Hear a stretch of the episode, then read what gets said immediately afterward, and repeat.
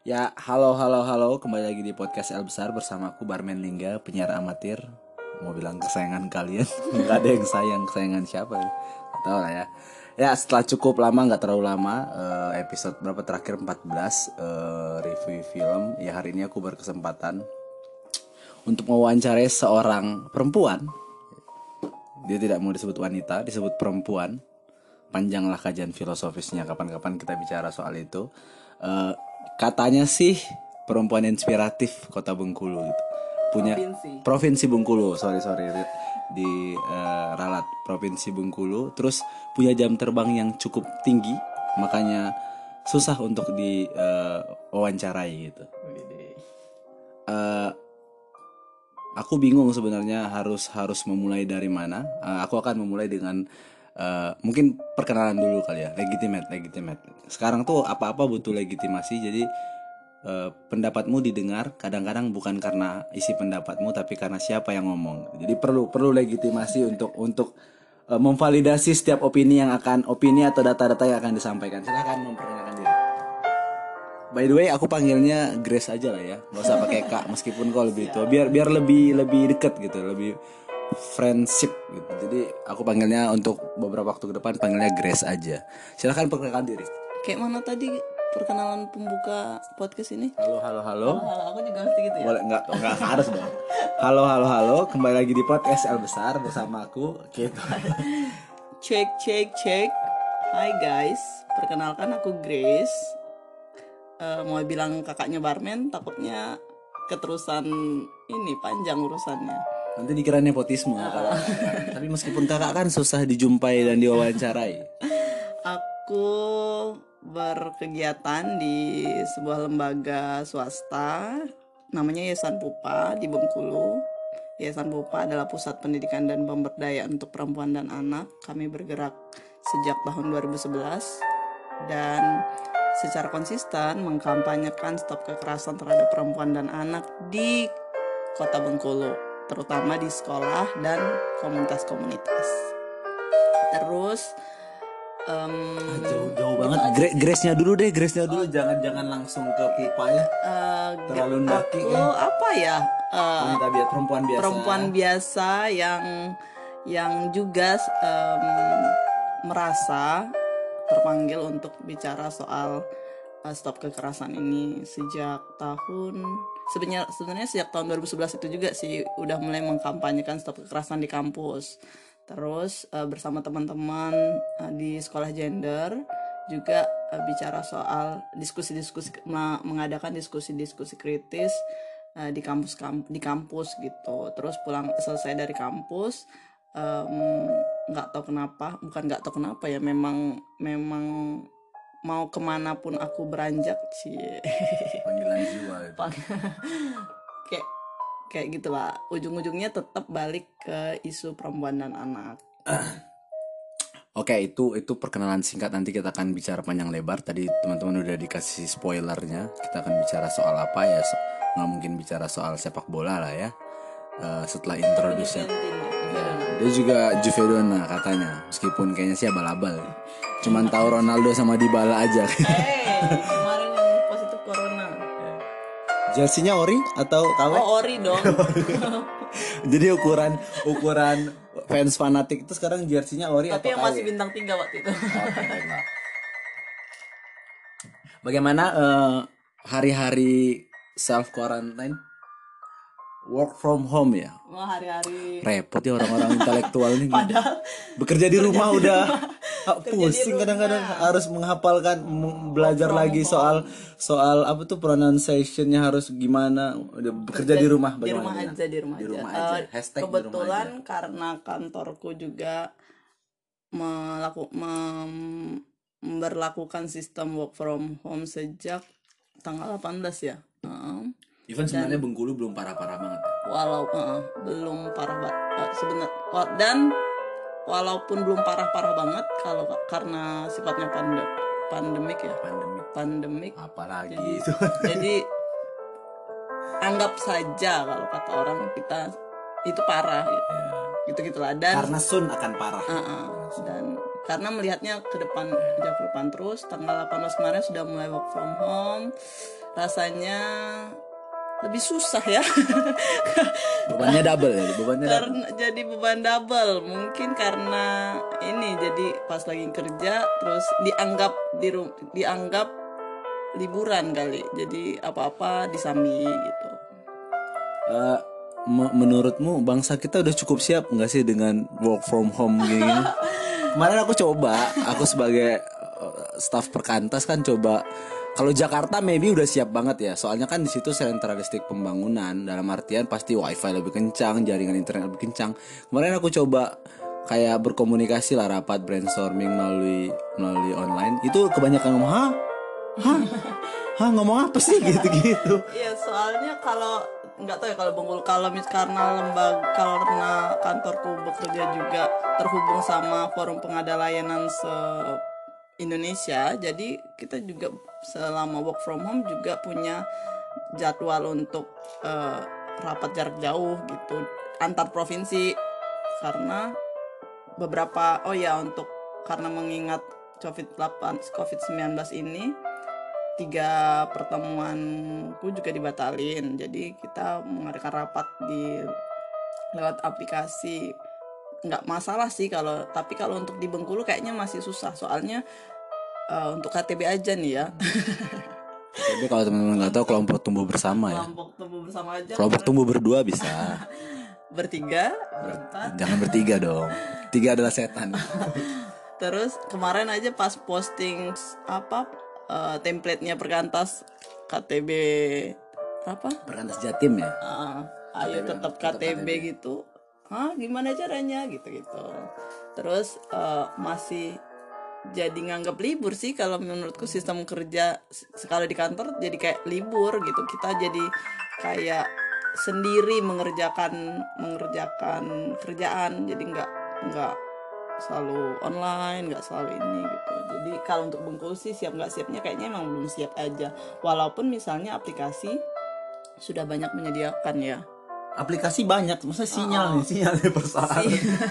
sinyal Makanya kemarin aku bilang orang-orang non Telkomsel dan non WiFi nggak kompatibel buat buat kegiatan ini. Bayangkan orang-orang eksis dan Indosat video callan itu pasti lebih banyak buffering. tapi Hah? kemarin lewatnya mungkin pakai ini kalau kemarin sih kalau aku sih nggak mengalami kesal- kesulitan waktu pakai Jitsi tapi mungkin memang eh, apa Jitsi Meet gitu aplikasi yang yang kita bisa atur siapa yang ngomong siapa yang apa harus mute video atau harus audio gitu-gitu. Tapi memang harus ada tutorialnya juga. Makanya teman-teman dari Purple Code kayaknya sudah memberikan apa flyer atau informasi itu seputar kayak briefing Ah, gitu ya, kayak rules. untuk ya aturan untuk meeting jarak jauh gitu. Dan eh, nggak semua orang siap juga sih. Kayak tadi misalnya eh, oke aplikasinya udah terus sinyalnya terus eh, yang satu nah gangguan. Terus emang selalu ada kendala sih namanya jarak jauh kan. Jarak deket aja ada kendala.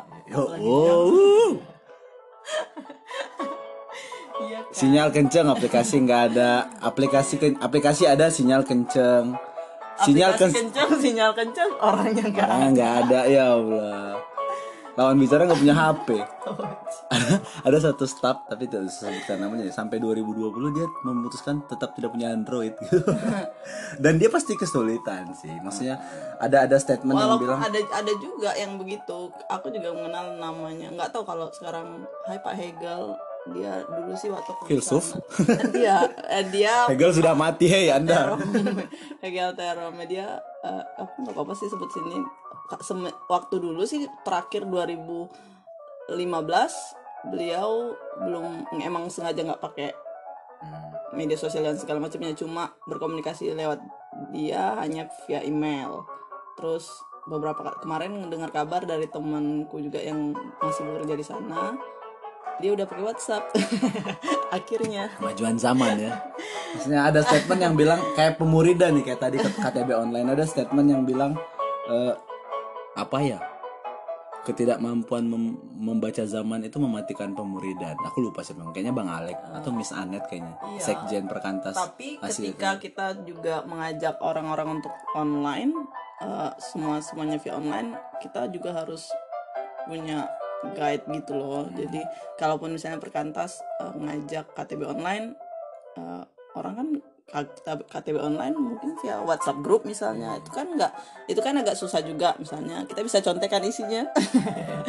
Dan segala macam. Tapi kalau misalkan ada memang ada aplikasi meeting room untuk eh, via online gitu. Dan sudah harus harusnya sih disiapkan. Misalnya kalau ngajak KTB kayak mana bikin KTBB online dan segala macam. Jadi ketika orang eh, di masa-masa work from home atau school from home gini orang nggak kesusahan gitu untuk berkomunikasi. Oh ya terakhir tem- aku baca story temanku ternyata harusnya kita tuh bukan social distance tapi physically distance. Oh, sosial tetap bisa Iya berjalan bener. Ya. terus aku kayak oh iya ya Hmm, iya, gitu bener. harusnya kita tuh bukan apa jarak sosial tapi jarak fisik kan yang nggak boleh sosial tetap harus melalui apa pun Ah, Toh jadi- dunia maya adalah bagian dari dunia nyata ya kan? yang kata Rara Sekar nggak bisa dipisah-pisahkan lagi Bacot bet, Raraskar. Kita belum sampai situ dong. Iya. Santuy. Ah, yang kayaknya nggak bisa dibedain iya tapi kayaknya pas dia cuma bikin story it's not a social distance it's physic Physical physical distance, Oh, distance, ya. terus aku yang oh ya dari kemarin sibuk campaign social distance oh iya harusnya Kita nih kayaknya orang-orang kayak kita ini butuh belajar banyak soal dasar-dasar logika. Iya. biar tahu terus gitu. terus oh iya ya gitu harusnya memang mungkin itu juga yang uh, membuat orang susah gitu untuk memahami bahwa kita harus berjarak cuy gitu jadi eh, sosial ya, apa sih nggak mungkin sebagai manusia makhluk sosial Sosial. tuh kita nggak mungkin eh, harus bisa berjarak gitu nah Kata tapi- Nietzsche sih bisa sih Oh, sebenarnya. iya. oh nanti ya katanya Rara aja katanya nanti belum sampai sana udah sampai Nietzsche Rara kan waras, Nietzsche kan gila beda. terus apa harusnya fis harusnya semua orang sadar bahwa fisiknya tuh yang nggak boleh bersentuhan Hmm. biar nggak ada anggapan lagi bahwa eh, balik lagi ya persoalan kemarin misalnya soal gereja boleh terus Iya, pasar iya, enggak benar-benar. ke pasar eh pasar nggak tutup gereja tutup gitu. Terus orang apa dilematis soal gereja versus nggak gereja. Hmm. terus keimanan dan segala macam diukur dari apakah bersentuhan atau tidak bersentuhan berpegangan atau tidak segala macam. Gitu gitulah jadi harusnya memang menyadari bahwa fisik yang nggak boleh bersentuhan sekarang saat ini ya gitu. Hati mah tetap Intinya kan sebenarnya adalah eh, set- hal baru itu selalu melahirkan orientasi dilema kan. Maksudnya kita butuh waktu untuk menyesuaikan menyesuaikan dengan kondisi yang baru. Itu kenapa kalau wajar kalau ada tumburan-tumburan eh, pemikiran kayak kok mesti ditutup gitu. Kok gereja ditutup itu tuh sebenarnya hal yang wajar dan tidak terhindarkan. Bagaimana kita mengedukasi orang-orang itu itulah yang paling benar sebenarnya. Jadi jangan juga langsung ngeliat di Twitter tuh agak parah juga gitu. Ada masjid ditutup kayak goblok, bodoh gitu. Ya ini hal yang baru. Kita nggak nggak berpikir bahwa akan terjadi kejadian ini. Jadi orang wajar kalau punya pemikiran bahwa Iya, iya. ini kenapa masjid ditutup gitu. terus ini juga sih misalnya kayak eh, bahwa kita tuh memang punya kesenjangan kelas Hmm, ya. baik informasi dan akses dan segala macamnya Privilege dan Iya, jadi ngomong panjang. banyak sebagai orang yang punya privilege yang banyak, kita memang kayak lebih mengetahui Hmm. banyak gitu. Sementara orang lain di luar kita yang nggak punya privilege apa-apa bahkan itu kan nggak tahu bahwa ini sangat mengkhawatirkan Iya, gitu. Terus akses informasi dan keterbukaan informasi publik juga nggak nggak merata ke seluruh orang. Misalnya kayak uh, school from home deh yang jadi pertimbangan banyak Kayak di orang- SD 72 gimana school from ya kan? Iya, Kalau teman-teman nggak tahu SD kami itu di hutan-hutan. Gimana coba school from home? School from school aja nggak berjalan efektif. Gimana school Iya, from jadi home? kayak apa eh, pen, apa ya, sistem pendidikan kita lupa bahwa walaupun anak-anaknya maju orang tuanya belum tentu gitu apalagi oke SMP ya bi- udah bisa ngakses sendiri kalau SD school from home terus yang harus mengakses apa-apa lewat orang tua.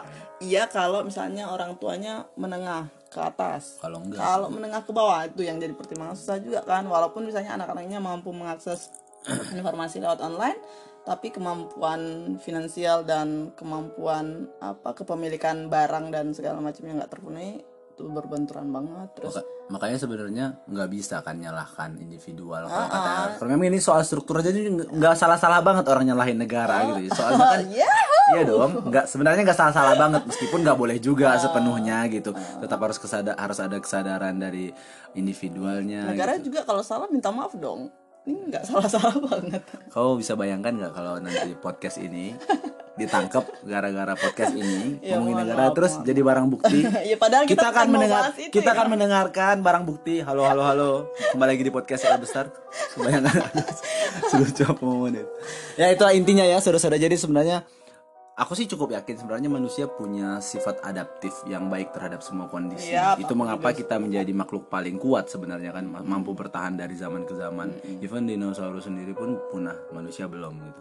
Meskipun ketololannya tetap berdiri di atas ketololan itu. Yang menyebalkan tuh sebenarnya kan elitis-elitis itu yang ber- berpikir bahwa dia udah mohon maaf dicerahkan. kita bahas apa? Sabar sabar. ini introduksinya memang gitu. Menyang-menyangin durasi gitu ya. Oh ya oke oke 16 menit intinya begitulah teman-teman setelah ya karena itu kan juga lagi happening soal virus corona gitu covid-19 Eh, ya hari ini kita bukan belajar bukan mau ngomongin soal itu sebenarnya meskipun ya Tapi perlu juga sih bicara soal work from home eh, khusus untuk perempuan pekerja gitu. Hmm. Karena menurutku sebagai perempuan pekerja, oke kalau di rumahku memang misalnya eh, semuanya bisa bekerja sama, misalnya barman nggak nggak kotor-kotor banget eh, buat apa? eh, kotor sih. ya bisa lah. Maksudnya yang masih bisa dimaksimalkan soal kerja-kerja di rumah misalnya. Kayak dia masih bisa membersihkan kamarnya sendiri yang nggak perlu bantu udah kita tidak sampai ke situ ya teman-teman. Nanti banyak banget privasi yang kebuka. perempuan lain yang misalnya tidak punya privilege yang demokratis di rumahnya misalnya itu pasti jadi beban ganda gitu karena dia perempuan. Misalnya ada dua orang pekerja di rumah yang work from home perempuan dan laki-laki gitu. Perempuannya pasti punya apa beban kerja berlebih gitu. Karena misalnya kebiasaan untuk bahwa perempuan yang mengerjakan pekerjaan domestik. Nah ketika dia kerja di rumah orang rumah pasti nganggap dia liburan kan? Terus dia juga orang orang mah nggak peduli kalau dari walaupun di rumah kita punya deadline kerjaan yang taunya kalau perempuan di rumah ya beres-beres nyuci nyetrika masak dan segala macemnya. Nah itu yang memberatkan juga buat teman-teman perempuan untuk work from home yang katanya seru tapi melelahkan.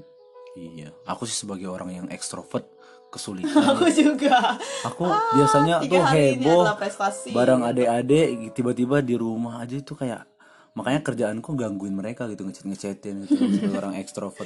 Itu tadi kan kita bukan social distance Iya. kita fisik. Secara fisik aku tuh ekstrovert meskipun secara main aku tuh introvert ngerti gak sih? Kadang-kadang di keramaian pun kadang berpikir sendiri melamun sendiri. Tapi kita sedang tidak mau ngomongin itu saudara-saudara. Jadi eh, kita akan balik ke topik setelah 18 menit pembukaan.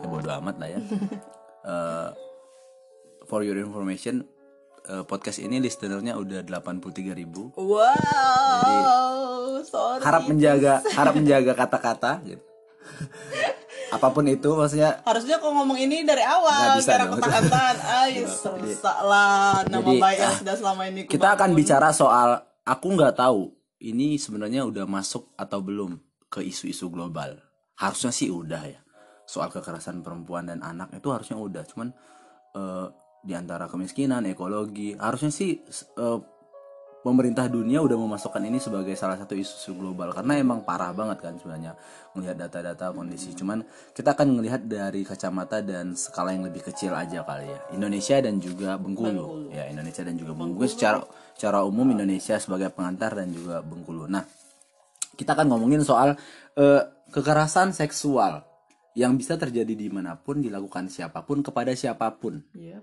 Nah, ngomongin kekerasan seksual kan, Grace, sebenarnya kata ini dalam culture kita meskipun harus diakui eh, itu pengaruh budaya kita yang terlalu patriarki gitu kan. Kata kekerasan seksual itu udah sangat kaku bentuknya. Ya enggak sih? Padahal Ini udah masuk. udah udah udah udah kau nggak rasa bridging ya bangke juga sih narasumber kita jadi kata kekerasan seksual itu hari ini sangat kaku eh, karena pengaruh dari culture Nah, pengaruh budaya dan lain yang itu ratusan tahun gitu panjangnya. Entah juga itu pengaruh dari kolonialisme juga nggak tahu lah ya. Maksudnya pasti ada lah efek dari kita dijajah dan lain-lain oleh orang-orang asing, tapi nggak tahu juga. Nah, hari ini kita akan belajar dari perspektifnya yang benar gitu ya. Dibilang yang benar karena yang yang dari menurutku sih nggak benar ya. Kalau yang ku bilang mau opini dan tidak ada dasarnya gitu. Nah, eh, hari ini kita akan belajar eh, kekerasan seksual itu gimana sih? Spesifiknya terus juga bentuk-bentuknya. Nah, pertanyaan pertama mungkin akan dibagi dulu nih. Kan apa itu kekerasan seksual? Mungkin lebih mendasarnya apa sih kekerasan kalau dalam dalam kalau sebagai orang yang udah studi soal ini, sudah punya riset dan lain-lain. Apa sih sebenarnya kekerasan sebelum kita masuk ke kekerasan seksual? Uish, kalau dari segi apanya dulu ya kalau bicara kekerasan sebenarnya udah banyak referensi kekerasan negara kekerasan Sangat politis. tetap ya tetap soalnya eh, negara belum minta maaf tadi kalau bicara kekerasan Ini gak ada hubungan sama tes PNS kemarin kan? Oke, kalau misalnya dia dari apa dari makna katanya sebenarnya kalau kalau orang-orang kayak apa orang-orang umum tuh udah tahu sebenarnya yang mana yang kekerasan gitu. Iya kan? Misalnya kalau kalau dia eh, mengalami apa Secara natural. kerugian nah secara natural dia tahu iya. bahwa dia mengalami kekerasan. Misalnya dia secara dia mengalami kerugian terus dia mengalami serangan dan segala macam. Tapi mungkin untuk balik ke pemahaman apa pengertian awalnya kekerasan itu juga berangkat dari arti kata kekuasaan gitu. Bahwa Hmm. ada orang yang menguasai jadi ada ada orang baik orang kelompok dan segala macam untuk menguasai menguasai siapa ya? Menguasai yang lebih lemah sebenarnya gitu. Penguasaan atas eh, orang lain yang lebih lemah lebih minor lebih eh, penakut gitu. Lebih lebih cenderung eh, tertutup gitu. Terus kalau balik lagi ke eh, pengertiannya misalnya kekerasan itu eh, sesuatu hal yang eh, apa eh, apa ya eh, sebuah ekspresi yang dilakukan secara fisik ataupun secara verbal eh, untuk mencerminkan pada tindakan agresif eh, dan penyerangan pada kebebasan atau martabat seseorang yang dapat dilakukan oleh perorangan atau kelompok orang gitu. Jadi dia nggak hanya berlaku antara apa indiv- orang versus orang gitu. Dia juga berlaku antara kelompok versus orang Kelompok, kelompok versus versus orang. kelompok ya kelompok eh, negara versus sat, apa eh, Individu, individu, gitu. Terus dia juga berlaku terhadap kelompok versus kelompok gitu dia Orang juga terhadap kelompok terhadap juga ya? ju- orang juga orang versus kelompok juga misalnya kalau ada satu orang yang sangat dominan mayor eh, sangat dominan eh, pemegang kekuasaan Soeharto misalnya.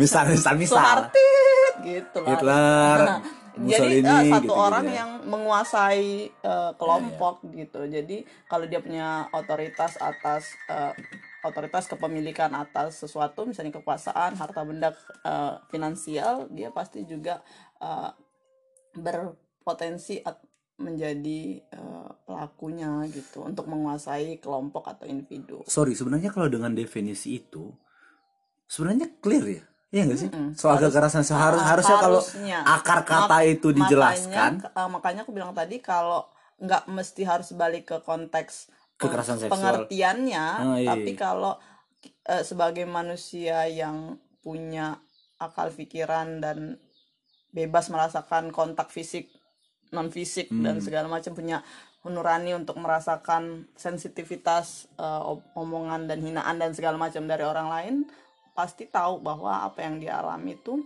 apakah itu kekerasan atau enggak sebenarnya tapi kan lagi-lagi banyak orang yang enggak sadar bahwa dia juga mengalami gitu. Eh, dia tahu tapi nggak sadar kayak pemakluman gitu loh terhadap apa yang dia alamin gitu. Misalnya kayak kelompok teman-teman kelompok buruh misalnya ketika di- ditindas lewat jam kerja yang panjang. Ya. itu kan kayak ya udahlah kami kan buruh kerja wajar gitu jamnya lebih panjang gini gini gini. Padahal misalnya di aturan undang-undang kerjaan misalnya ada jam jam kerja wajib misalnya 8 jam. Terus lewat 8 jam ada waktu apa lembur yang harus dibayarkan gitu. Ada libur weekend ada libur ini ada cuti ini cuti itu gitu-gitu. Tapi kan orang nggak mampu untuk nggak semua orang mampu mengakses informasi itu gitu. Makanya dia nggak menyadari bahwa dia mengalami kekerasan. Eh, sorry aku nggak tahu ini sebenarnya struktur logika aku nyampe atau nggak sama yang kau bilang. Tapi sebenarnya kalau misalnya ditarik dilihat dari sudut pandang hukum justru pembagiannya terhadap segmen di- dibagi ke dalam segmen-segmen yang berbeda itu mempersulit nggak sih sebenarnya? Seandainya nih defin- definisi yang akan kena hukuman adalah kekerasan secara general yang tadi kau jelasin. Sebenarnya kan hukumnya jelas ya.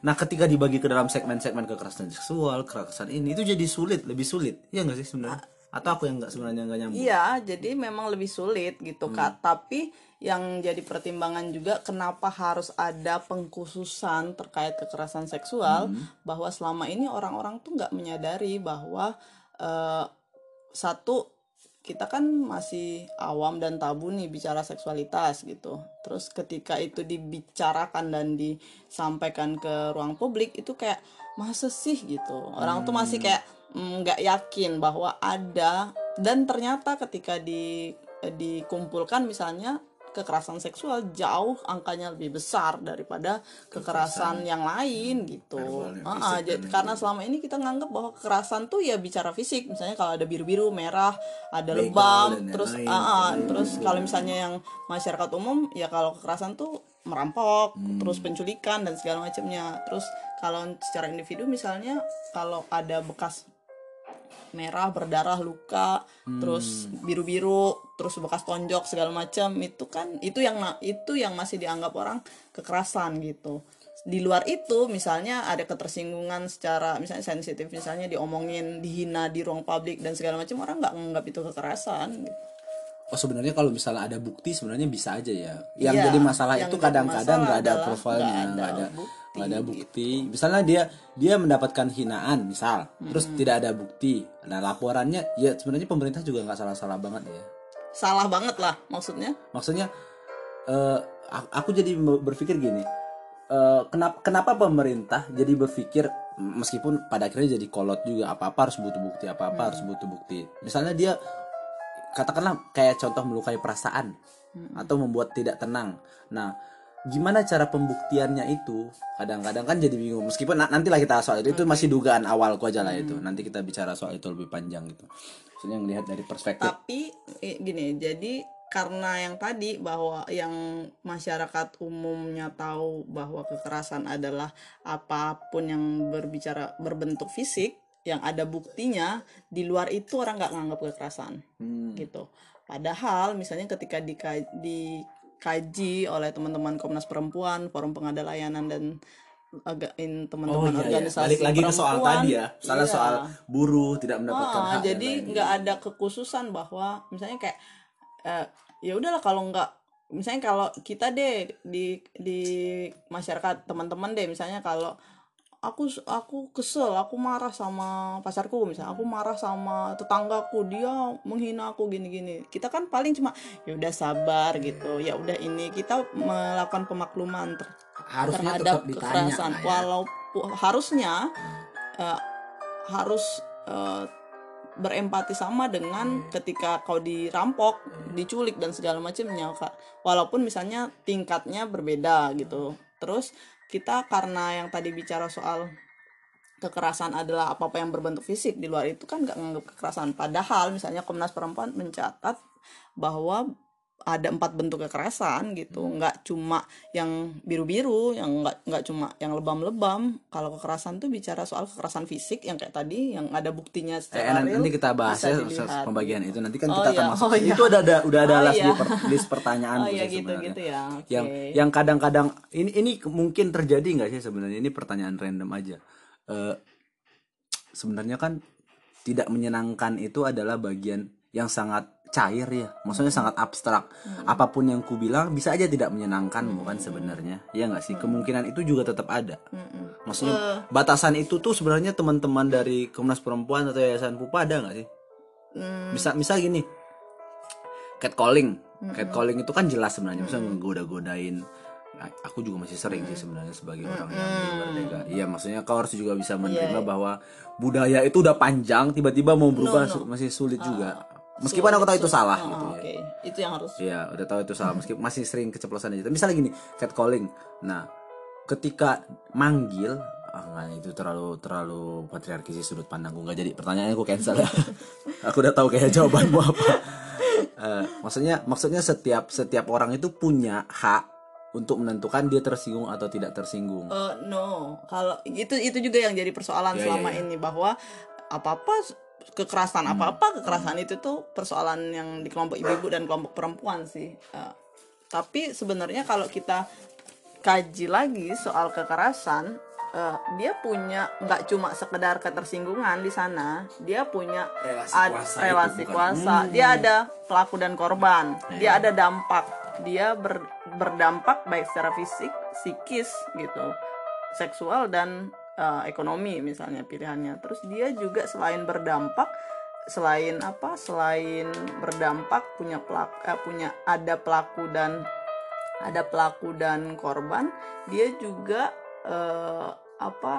eh, ada penyerangan juga di sana gitu jadi bukan cuma dikit kekerasan apa apa itu juga sih yang menghambat campaign stop kekerasan selama ini di masyarakat gitu.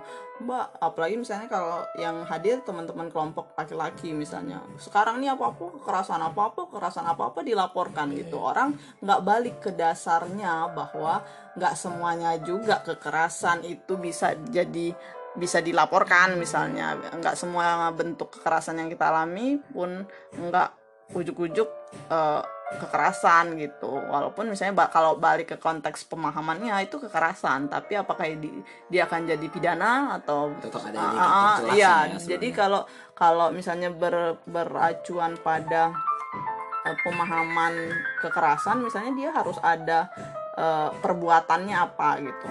Merendahkan kah menghina menyerang dan segala macam terus dia ada juga siapa pelaku dan korbannya. Ada pelaku dan korban. Terus dia dilihat konteks relasi kuasanya gitu. Hmm. bahwa walaupun misalnya di yang eh, yang selama ini orang nggak nggak nyadar bahwa eh, dia suka sama suka kok gitu. Misalnya kalau pacaran ya dia melakukan hubungan seksual. Cuman di balik itu suka kita nggak tahu ya. nah di di luar eh, dia misalnya kalau Komnas Perempuan justru mencatat bahwa bujuk rayu itu juga masuk kekerasan Hmm. gitu bahwa di yang kita tahu kan dia adalah dua orang eh, dewasa yang misalnya berbuat sesuatu yang di luar di luar keabsahan negara misalnya tapi yang kita nggak tahu adalah apakah di balik perlakuannya itu si laki-laki misalnya mengiming-imingi misalnya menjanjikan apa menjanjikan apa terus misalnya adakah misalnya tekanan di sana adakah eh, ancaman dan segala macam nah itu yang kita nggak tahu yang selalu kita buat jadi alasan untuk membela pelaku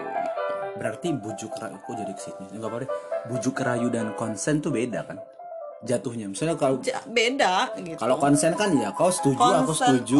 concern itu kan kesadaran kita untuk Hmm. melakukan bahwa sebagai perempuan atau laki-laki dewasa kita tahu bahwa ada konsekuensi yang harus kita hadapi dan Hmm. alami ketika kita melakukan sesuatu yang yang kita senangi misalnya tapi kalau bujuk rayu dia ada yang dia nggak mau menjanjikan Terus sesuatu intinya kan? di- dibujuk misalnya kayak kita udah atau misalnya kalau dalam beberapa pengaduan aku udah bilang nggak mau mbak Hmm. tapi dia bilang lah kalau misalnya dia cinta sama aku dia melakukan itu karena dia sayang dan segala macam. Itu kan bujuk rayu kan? Meng- menghilangkan kesadaran penuh padahal dia udah bilang dia nggak mau Meskipun agak gimana ya, Ah, maksudnya ah, agak jadi agak begitu agak- menghilangkan kesadaran bukan penuh itu gimana? sadar- ke- bukan kesadaran sih maksudnya menghilangkan eh, konsennya perempuan ke konsennya kan mungkin dia nggak mau Hmm. konsen itu kan kan antara mau nggak mau Iya. kan setuju dan tidak setuju kan dari dari Maksudnya dia. bangsat-bangsat cowok ini kadang-kadang menggunakan bujuk rayu supaya Iya, dia konsen gitu. jadi iya jadi kayak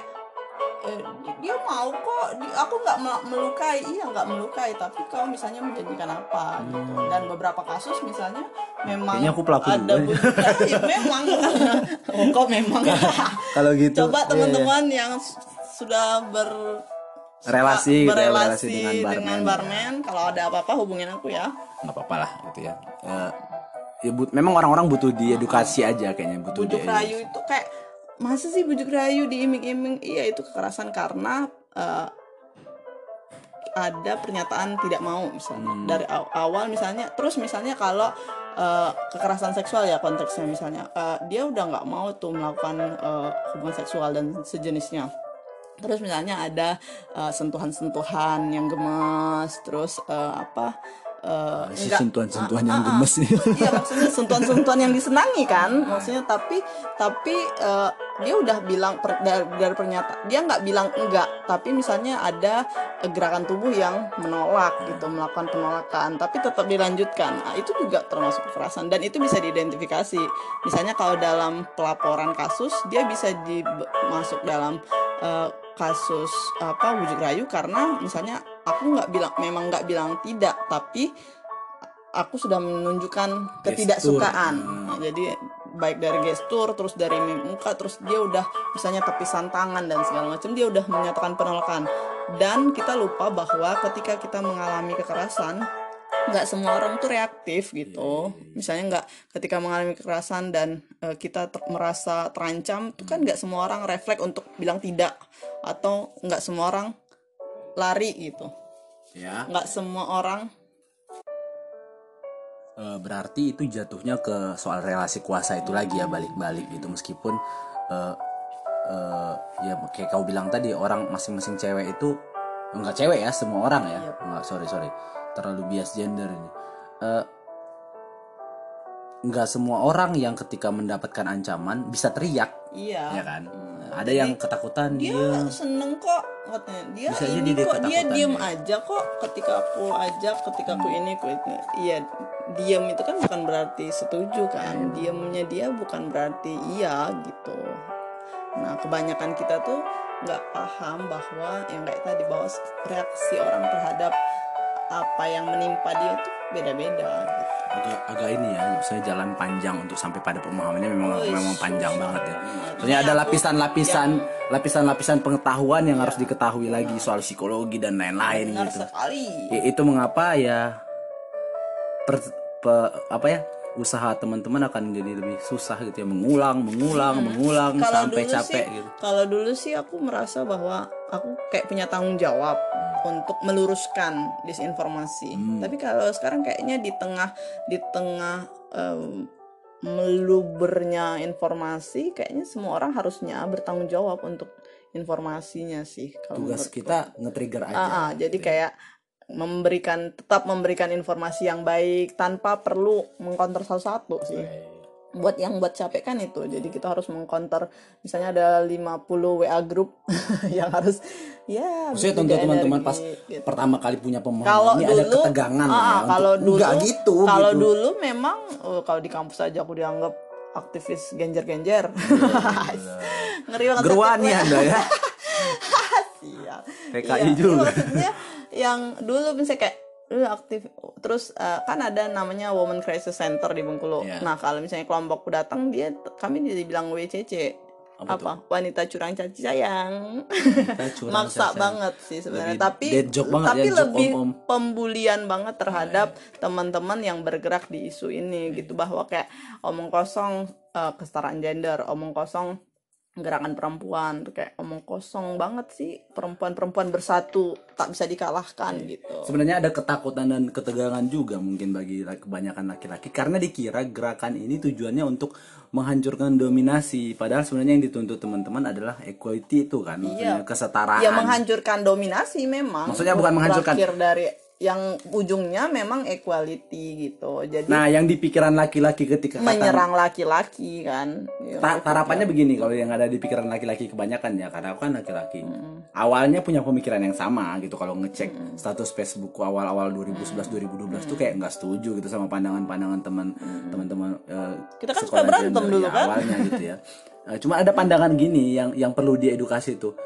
Setelah ha- dominasi hancur perempuan berkuasa. Nah itu yang ditakuti ya- yang yang yang A- apa yang ditakut? Misalnya nih seburuk-buruknya sih menurutku yang dikhawatirkan orang-orang kan bahwa ketika kita bicara gerakan perempuan atau bicara soal fem- nilai-nilai feminis dan segala macam itu kan akan ada gejolak penyerangan terhadap laki-laki. Terus perempuan berkuasa perempuan mengintimidasi dan segala macam. Perempuan akan mendominasi ruang-ruang justru menurutku di sana eh, teman-teman laki-laki tuh khawatir nggak dapat job aja sih. I- itu sebenarnya kecurigaan kecurigaan itu yang yang membuat sulit. Padahal dalam perjalanannya aku merasa terbantu. Ah, maksudnya oke kita jalan sama-sama apa pun kita sepakati eh, apa pun yang ingin kerjakan. Jadi jujur aja dalam da- dalam pencarian dan juga maksudnya proses belajar proses pencerahan di end of the day patriarki ini menyiksa laki-laki banget Ya, sangat men- ah, itu nanti ada pembahasan khusus ya Ya, guys gitu. Oh, Jadi ah, itu kalau kok aku harus dibebankan ini sih Iya, sebagai laki-laki? kalau itu sih persoalan yang nggak sampai sekarang teman-teman laki-laki sulit mengakui gitu. Iya, padahal menganggap bahwa ketika dia membayari belanja atau Manly Ma- gitu ya. itu tuh kayak laki-laki banget deh Iya. pokoknya padahal ya se- ap- Itu syukur-syukur threat gitu. kalau kalau hasil kerja itu hasil kerja Iya, dari mama itu juga. kan dari mama ye Belum bahasa mamamu Manly, iya, juga iya. kan ujung-ujungnya pada ya. akhirnya aku ngerasa bahwa enggak patriarki ini membeba sangat mem- harusnya ketika Membebani laki-laki ketika semua orang sudah tahap equality kesadaran atas kesamaan Hmm. eh, apa kesamaan tujuan dan cita-cita untuk Hidup dunia yang lebih gitu. beradab gitu yang lebih adil terhadap perempuan eh, terhadap semua manusia orang pasti tahu bahwa patriarki itu menyiksa sekali Iya. selain menyiksa perempuan secara fisik psikis, mental dan ekonomi tadi menyiksa laki-laki juga Secara secara- banget sangat sangat secara psikis. Misalnya bahwa ketika nggak semua laki-laki tuh mampu untuk bekerja di luar gitu. Iya, iya. tapi negara eh masyarakat kita mengharuskan kalau kamu laki-laki ya kamu harus di luar gitu. Bekerja di ruang publik dan menghasilkan ke uang yang mampu menafkahi keluarga istri dan anak. Iya kalau anaknya satu misalnya. Iya. Kalau anaknya lima berarti laki-laki itu harus menghidupi orang tujuh. Oh, dan itu apa itu ah tidak terbayang dong. apakah itu nggak beban gitu? Beban sekali. Kalau misalnya Sangat itu beban. banyak banyak kajiannya juga sih. Misalnya kayak eh, susah juga sih diskusi yang intens sama teman-teman laki-laki baru bahwa bahwa laki-laki itu banyakkan stresnya. Misalnya kenapa angka bunuh diri Lebih lebih, banyak laki-laki gitu. Iya iya? Jadi jadi beban beban psikis itu kan yang paling susah ditebak kan. Iya, iya. misalnya kalau Kelihatan perem- soalnya. kalau perempuan ada masalah beli beli tomat di tukang sayur rung rumpi kok ngeluarin unek-unek gitu. Terus bisa telepon teman kapan aja? Bisa meet up kapan aja? Terus bisa nangis-nangis di mana aja gitu. Ini cewek lebih solid. ah, ah, jadi kayak kalau laki-laki eh, stres misalnya kalau dia ngeluh dibilang nggak laki-laki gitu Cupu. cupu dibilang cemen, ini cemen dan nangis, segala bilang lemah. Ah, gitu. Jadi Padahal emang kenapa kalau aku mau nangis? Hei, Anda. iya bisa kayak Yesus lo nangis, kok aku nggak boleh nangis? Pernyataan pertama, pernyataan yang sering yang sering aku sampaikan ketika memfasilitasi misalnya, apakah Tuhan menciptakan air mata untuk perempuan, Perempuan aja saja. gitu? Apakah laki-laki nggak ada air matanya sampai yang susah banget keluar gitu? Nggak susah, tapi masyarakat kita nggak mem- nggak memperbolehkan laki-laki nangis gitu Itu culture kita yang, Cacat yang kita sangat cacat itu ya Ah, gitu. ya. Jadi jadi dan itu sangat membebankan laki-laki untuk mengeluarkan uh, persoalan psikis, uh, persoalan psikologi, Emosional, spiritual, dan lain-lain. segala macamnya. Iya dalam pikiranku ya kalau bisa bayar cicilan rumah berdua kenapa harus sendiri kan? Maksudnya kita hidup Bayar berdampingan ini berdua susah sih. itu susah. Sinamot berdua susah sih. Lawannya bapak-bapak adat soalnya. ya. Iya benar. Tapi kan itu bisa bi- dibicarain berdua. Personal gitu. Ah, ah, ah, jadi Gimana beb? Mau harusnya sih bisa. Bisa- bisa nih kita berdua bayar sinamot demi ter, ter- Ah, terjadinya pernikahan. Ja- biasanya misalnya kalau untuk pasangan jangan-jangan mereka udah sepakat gitu. Yang nggak sepakat kan orang tua. Iya. nah masa berarti jalan keluarnya ya nggak usah kasih tau orang tua gitu. Ternyata udah transfer aja gitu ya. ya ya gitu lah gitu. Jadi kalau dan misalnya kebanyakan orang tua Batak sih misalnya atas nama baik dan segala macamnya ukuran ukuran kejayaan adalah seberapa si, besar sinamot yang akan fakta didapat. bahwa bahwa budaya juga mengalami pergeseran nilai juga nggak bisa dipungkiri. Misalnya awalnya mungkin budaya itu tujuannya pasti baik Iya, kan? Maksudnya secara waktu berjalan orang-orang berganti terus cara menginterpretasikan itu juga berbeda-beda. Akhirnya sampailah pada pemahaman yang sekarang. Dan itu suatu yang memang sulit juga untuk dibahas. Ya kita sampai situ. Udah panjang banget ini 44 menit eh, ngomongin soal kekerasan. Eh, pertanyaan kedua mungkin langsung aja kali ya. Dua pertanyaan sekaligus setelah tadi ngomongin kekerasan secara general dan juga secara spesifik. Nah bentuk dan jenisnya gimana nih? Kalau bentuk bentuk kekerasan yang udah aku bilang tadi sih eh, kalau terstruktur aja misalnya urutan singkat. fisik psikis ekonomi finansial. Eh ekonomi fisik psikis seksual dan finansial gitu. Kalau mau dijabarin kekerasan fisik yang tadi yang terlihat. Kekerasan psikis ya tidak terlihat. merendahkan menyudutkan terus menghina terus mengancam dan segala macamnya. Kalau kekerasan seksual ya kekerasan yang bersifat seksual yang merusak dan uh, yang meru- merusak organ reproduksi dan seksual manusia gitu. Terus kalau misalnya uh, finansial atau ekonomi ya ada pemerasan gitu. Ada penelantaran ekonomi misalnya kalau perempuan sudah suami istri menikah misalnya uh, yang cari kerja yang kerja perempuan aja terus sementara laki-laki di rumah sih nggak apa-apa. Tapi kalau perempuannya bekerja terus sementara laki-lakinya sibuk menghabiskan dan tanpa ada gaji, kesepakatan. iya, menghabiskan gaji itu masuk uh, kekerasan e- ekonomi.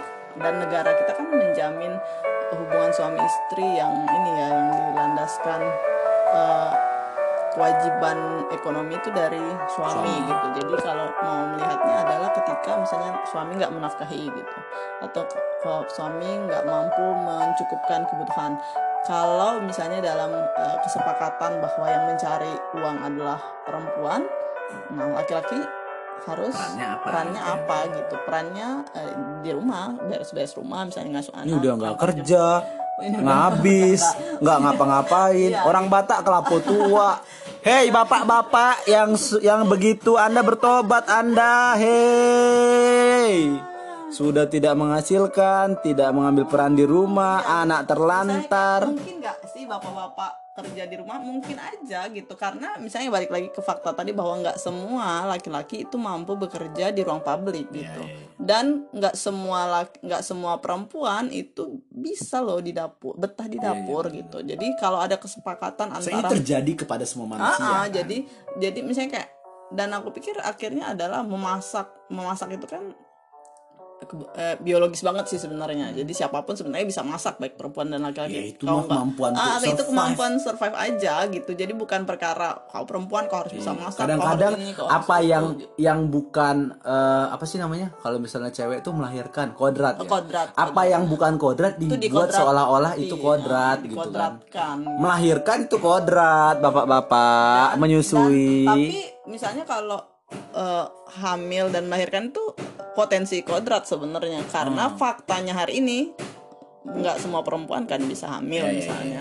balik misalnya In general ya, in iya, general. Sorry, jadi jadi dia yang gila lapisannya banyak Iya, banget ini harus diperhatiin. Susah anjir. banget sih. Tapi misalnya kalau bicara kodratnya perempuan dan laki kodrat itu apa sih misalnya kodrat itu adalah segala sesuatu yang dar datangnya dari Tuhan dan nggak bisa diganggu gugat yang nggak Hmm. Konstanta bisa ya dan bersifat universal misalnya kayak perempuan menstruasi Hmm. perempuan di Indonesia menstruasi di belahan dunia mana pun tuh perempuan Menstruasi. menstruasi, gitu Soalnya dia given Terus, konstanta iya, lah ya Jadi konstanta. misalnya kalau eh, alat kelamin, misalnya perempuan punya vagina, laki-laki punya penis. Nah, di belahan dunia mana pun itu begitu gitu. Terus bicara soal kodrat, bicara soal laki-laki punya sel telur gitu. Eh, Eh, p- sp- sperma misalnya perempuan punya sel telur gitu. Dan eh, ya itu gitu, hanya yang biologis yang nggak bisa diganggu gugat, yang nggak bisa dipertukarkan, yang sifatnya universal dan berlaku di semua dan kepada semua orang gitu. Dan dan kebanyak bukan kebanyakan sih eh, semua kebanyakan masyarakat kita menganggap yang pembagian peran gender tadi itu kodrat. Kodrat perempuan tuh di rumah di dapur sumur kasur. Padahal itu bukan itu gitu peran gender Peran, yang peran. yang dibagi oleh masyarakat. aja. Dan justru gara-gara peran gender itu yang akhirnya melekat dan ketika perempuan milih sekolah dan bekerja tuh dianggap perempuan Tidak yang ibu banget, ah, tidak nggak perempuan banget. pokoknya kalau perempuan nggak bisa masak tuh nggak perempuan banget. Hei bapak-bapak, ada Chef Arnold, ada Chef Juna dong. terus misalnya kayak kalau misalnya laki-laki yang ngasuh anak misalnya itu tuh kayak banci banget gitu. Atau misalnya ya nggak apa-apa juga banci sebenarnya. Misalnya kalau bapak-bapak nyapu di rumah nyapu di teras tuh yang ribut kan tetangga gitu padahal misalnya ada kesepakatan bahwa istrinya sibuk di dapur tuh lagi masak lagi nyuci dan segala macam. Si bapak nyapu di teras tapi kan yang ribut kan tetangga kan. Nah ketika tetangga ribut tuh laki-laki yang tadinya udah bersepakat untuk berbagi peran itu kayak aku nggak mau lagi deh nyapu nyetrika aku oh, nggak mau lagi deh. Aku bagian di rumah aja nggak kelihatan gitu. Jadi peran-peran gender itu yang memberat yang akhirnya eh, memberatkan perempuan gitu. Ini ada miskom juga sebenarnya, khususnya nih orang-orang bapak-bapak Batak ya. Hmm. Bapak-bapak Batak tuh seolah-olah kalau ngapa-ngapain tuh sama mama lah gitu, belajar sama mama lah gitu. Hmm, Padahal iya, Batak tuh kan identik, maksudnya identik mayoritas kekristenan ya, Hmm, kekristenan. Terus kekristenan itu sendiri turunan akarnya kan Yahudi ya. Nah dalam budaya Yahudi itu justru peran mengasuh dan mendidik anak itu di bapak, Bapak, gitu, di bapak. Nah agak aneh juga bapak-bapak hari ini kayak belajar sama bapak, bapak tugasnya cari duit aja belajar gitu. sama mama Eh bela- belajar sama bapak, bapak tugas cari duit. Padahal sebenarnya kalau misalnya ya kita memang kurang edukatif aja. Gereja-gereja juga tidak mengajarkan itu iya soalnya gitu. benar Itu itu kenapa menurutku laki-laki memang harus banyak baca karena kan ini soal-soal soal eh, idealisme aja gitu. Karena aku misalnya suka terhadap eh, suka banget soal eh, sejarah penyanyian lama dan Yahudi. Nah, aku se- sepakat gitu. Kenapa Bapak? Kenapa hari ini ada semacam gap antara bapak dan anak? Mm-mm. Hubungan bapak dan Iya, anak kita tuh di di lingkungan di culture kita tuh dingin kan kebanyakan karena bapak tuh seolah jangan diganggu. karena tadi misalnya kayak peran peran gender Bentar, kan dibagi ini oleh kita lagi ngomong di luar ada yang nukang, ada ayam, sangat natural. Lanjut. home work from home Work from home, ya ya. biar kayak bener-bener Iya. Work from home banget lah. Eh, kayak sampai mana tadi? Peran ayah, peran ayah. kalau misalnya kalau peran peran masing-masing perempuan dan laki-laki kita hari ini kan ditentukan oleh masyarakat kita jauh-jauh Sebelum kita ada. sebelumnya kan gitu. Jadi kayak patriarki itu kan berdiri sudah sejak kalau kalau kalau kata temanku sih sejak zaman nol. Aku nggak tahu itu istilahnya dari mana tapi ya udah dari sana Bahkan kecurigaannya Tuhan pun patriarki gitu, kecurigaan itu. jangan-jangan tapi menurutku Tuhan juga sangat feminis menurutku Tuhan tuh equal lah, equal Iya. dalam semua Iya hikmatnya. dia gitu. punya nilai-nilai, iya dia punya nilai keadilan sosial bagi seluruh umat gitu.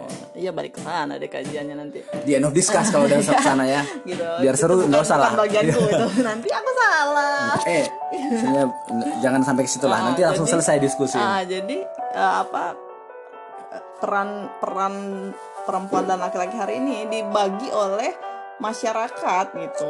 Dan nggak salah juga nggak semuanya salah. Mungkin misalnya kalau dulu, Dulu, di zaman iya, perang benar-benar. itu kan bukan perempuan nggak boleh ikut perang misalnya. Tapi lebih fleksibel yang lari ke sana kemari dan segala macam Atau itu secara kan out- out- laki-laki secara secara it- itu itu nggak nggak pernah baca penelitian bahwa maksudnya secara biologis pun misalnya tulang Iya, dan lain-lain ah, kekerasan nggak tulang belakang sama gitu ya nggak sama tapi ya. yang yang be- yang nggak sama. Yang beda misalnya ketika perempuan eh, ikut berperang misalnya ketika dia haid menstruasi iya, iya. gitu. itu yang jadi pertimbangan misalnya apakah hal-hal kondisi itu ya. rahim yang lemah misalnya apakah dia lagi sedang mengandung Hmm, itu yang iya, jadi pertimbangan bukan karena dia perempuan stok di rumah gitu stok Padahal, di rumah padahal gitu. cara menginterpretasi sejarah pun sebenarnya tidak lupa. Sama kayak menginterpretasi Jadi, Alkitab, ada ma- konteks yang harus konteks- diperhatikan. gitu. konteks gitu. Jadi orang eh, dan itu kan udah zaman zaman dulu tuh begitu tuh. Jadi ada pembagi justru menurutku itu ada pembagian peran banget bahwa laki-laki berperang, perempuan menyiapkan makanan untuk stamina perang gitu. Ya, yang ini kan,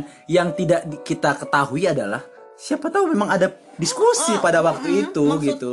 Dulu justru Tidak ucuk-ucuk laki-laki perang, perempuan Oh, masak. jadi Mungkin ada diskusi alot. Kami aja perang nih kata tim perempuan.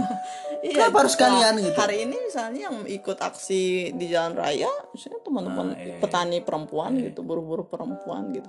Dan semuanya tuh bisa secara kontekstual. Kalau zaman balik lagi bahwa kalau dulu tuh mungkin aku sih nggak nggak kajian-kajian banget ya soal itu, tapi dulu tuh justru di situ letak pembagian perannya bahwa Hmm, iya. sepakat sih. letak pembagian peran. Dan hari ini misalnya orang tuh ujuk-ujuk bahwa ya perempuan di rumah dapur sumber kasur. Dan laki-laki itu without consent itu Oh, tadi kan. di ruang publik. Pokoknya apa apa kalau yang udah ngomong ngambil kesepakatan dan segala macamnya itu laki-laki banget gitu. Tanpa ada kesepakatan gitu. Yang jadi masalah adalah ha, nggak ada kesepakatan ini yang menimbulkan kekerasan terjadi. Misalnya dia nggak apa-apa kok di rumah udah nanya belum gitu Iya. dia nggak apa-apa tuh dia belajar masak loh untuk aku dan udah nanya belum narasi-narasi old school lah itu ya gitu seolah-olah itu kayak Iya kalau kau mau nikah sama aku ya kau harus siap Bisa A, masak, B, bisa C, A, D, B, C, D, D.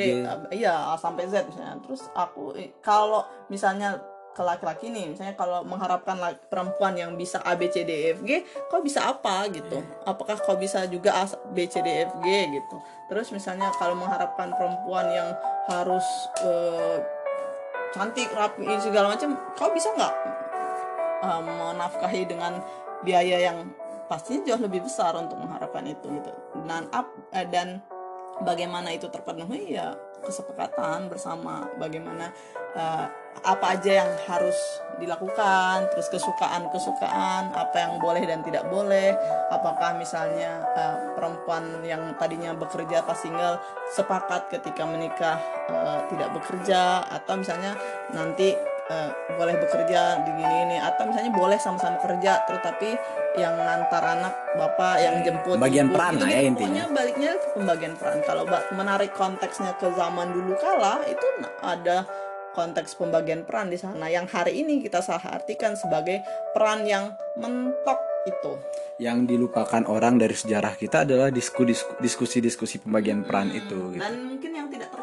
juga karena nggak sempet juga kan mencatatkan Iya, iya. pembagian diskusi yang orang kan Con- mencatatkan contoh deh contoh deh Alkitab lah kalau aku dari perspektif Alkitab Iya. kadang-kadang orang bilang Alkitab tuh sangat patriarki padahal sebenarnya kalau dikaji dengan baik enggak juga gitu Hmm. banyak juga keputusan-keputusan yang sepertinya merugikan perempuan Hmm. ternyata enggak ada ada tujuan lain gitu misalnya satu contoh nih dari Alkitab misalnya ditulis di Imamat kalau misalnya cewek najis dan cowok najis misalnya kena cairan apa misalnya cowok cowok najis itu dikurungnya tujuh hari. Maksudnya diasingkan selama tujuh hari.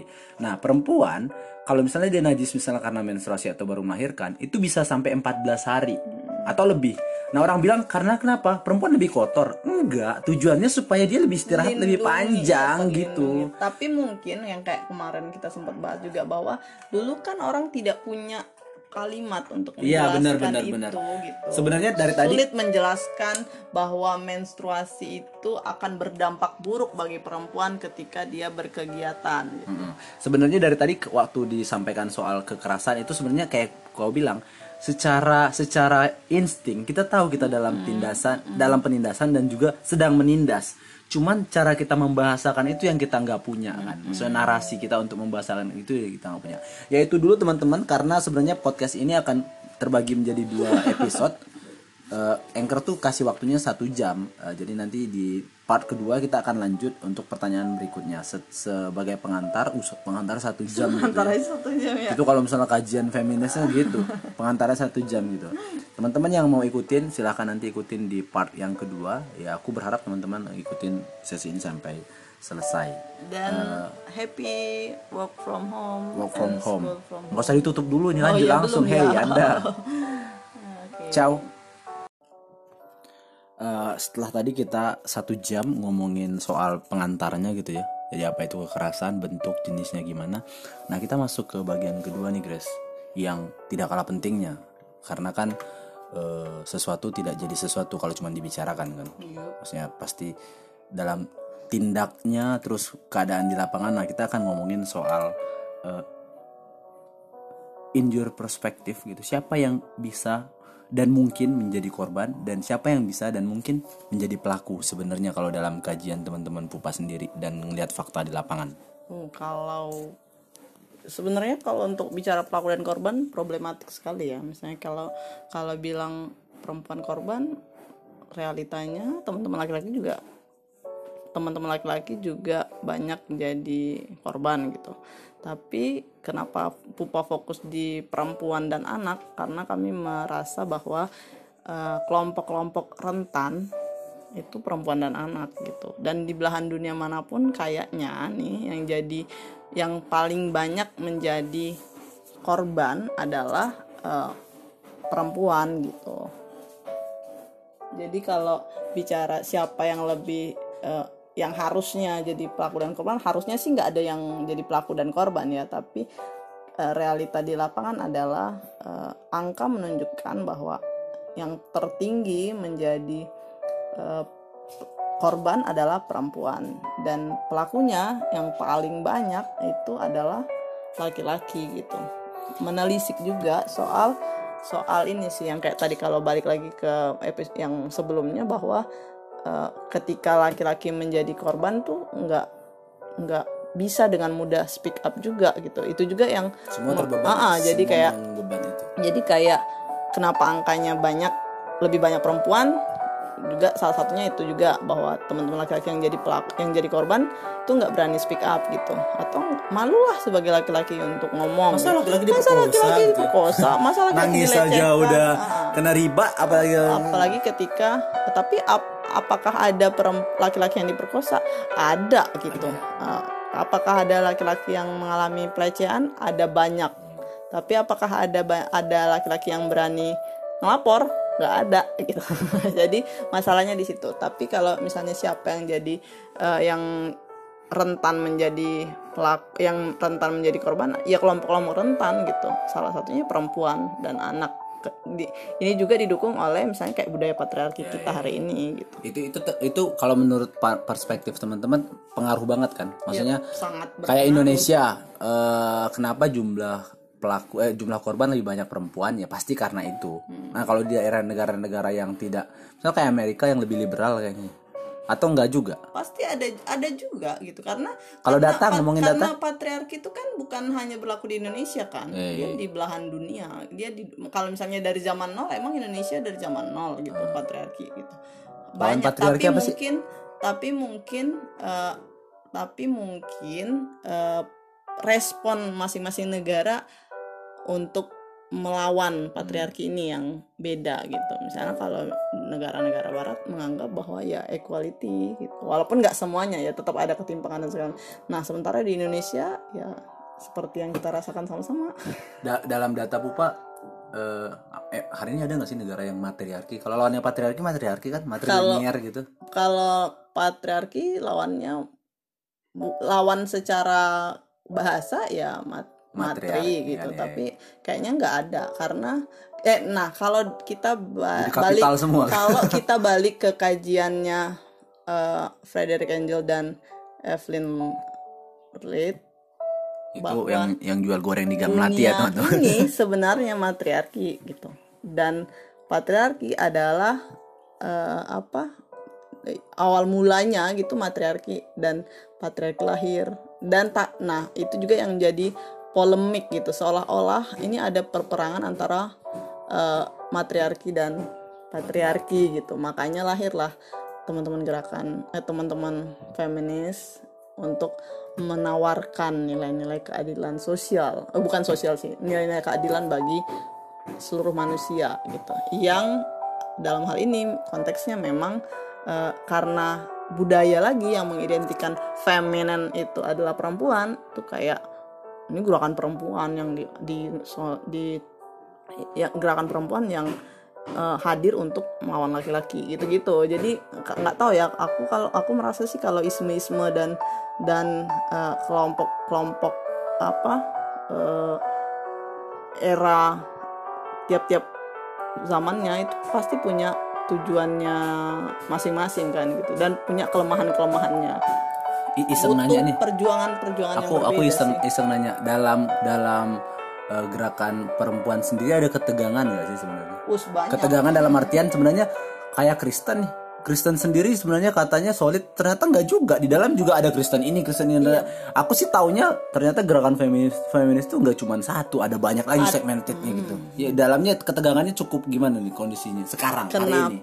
Eh kalau hari ini sih bilang kenapa muncul lagi tagar misalnya perempuan dukung perempuan sisterhood dan segala Oh, macamnya. itu itu, itu untuk itu ya. menawarkan bahwa gerakan feminis atau gerakan perempuan gerakan perempuan, hadir untuk eh, mendukung sesama perempuan karena melihat bahwa ada pers- ada persitegang antara perempuan dan perempuan gitu Justru ya. ada misalnya ada persaingan antar perempuan perlawanan mas antar perempuan gitu. Atau ada yang lebih do yang lebih tampak sih memang persaingan antar perempuan ya. Dan itu juga karena misalnya eh, kapitalisme lagi sih. Misalnya kayak menawarkan eh, persaingan antar perempuan dengan kriteria-kriterianya gitu.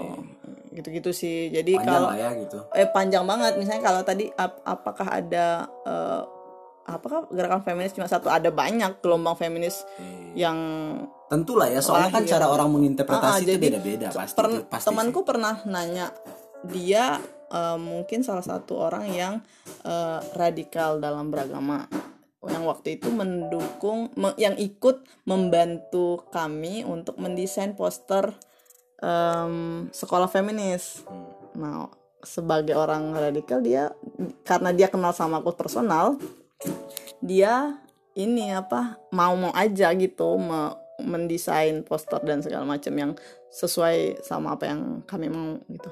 Terus setelah poster itu jadi dan sudah di- disebarkan dan segala macamnya nih beberapa bulan kemudian dia nanya sama aku bahwa kak Grace eh, gerakan feminis itu maksudnya apa ya? Gitu Iya. gitu gitu. Arti mak- maksudnya aku tahu dia tahu tapi mungkin dia dapat perspektif yang lain yang banyak soal feminis dan menganggap jangan-jangan gerakan yang gerakan feminis ala kalian itu Grace itu bertentangan sama aku gitu. Sementara aku sudah kerja untuk kalian gitu loh.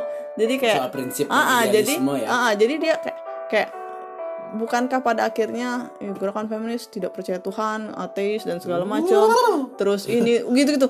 Aku bilang ya ada banyak misalnya bahwa bahwa Iya, orang religius juga ada banyak Itu sebenarnya sama kayak gerakan filsafat kan? iya maksudnya ada, filsuf ada- yang teis, ada ad- filsuf orang- yang ateis. orang misalnya misalnya gerakan perempuan gerakan perempuan ada banyak sub subnya Hmm. justru misalnya orang ada perempuan yang berjuang di jalur ini karena menganggap misalnya di jalur lingkungan Iya, ini di jalur ini di jalur ini dengan perlawanannya masing-masing yang sangat berbeda dan ek- tingkat ekstremismenya juga beda-beda gitu ya. Ekstrim banget tuh ada. Misalnya ada yang perempuan yang menolak laki-laki. Ada Bahkan sampai tidak misalnya. mau sampai yang eh, menolak melakukan hubungan seksual. Melakukan ini.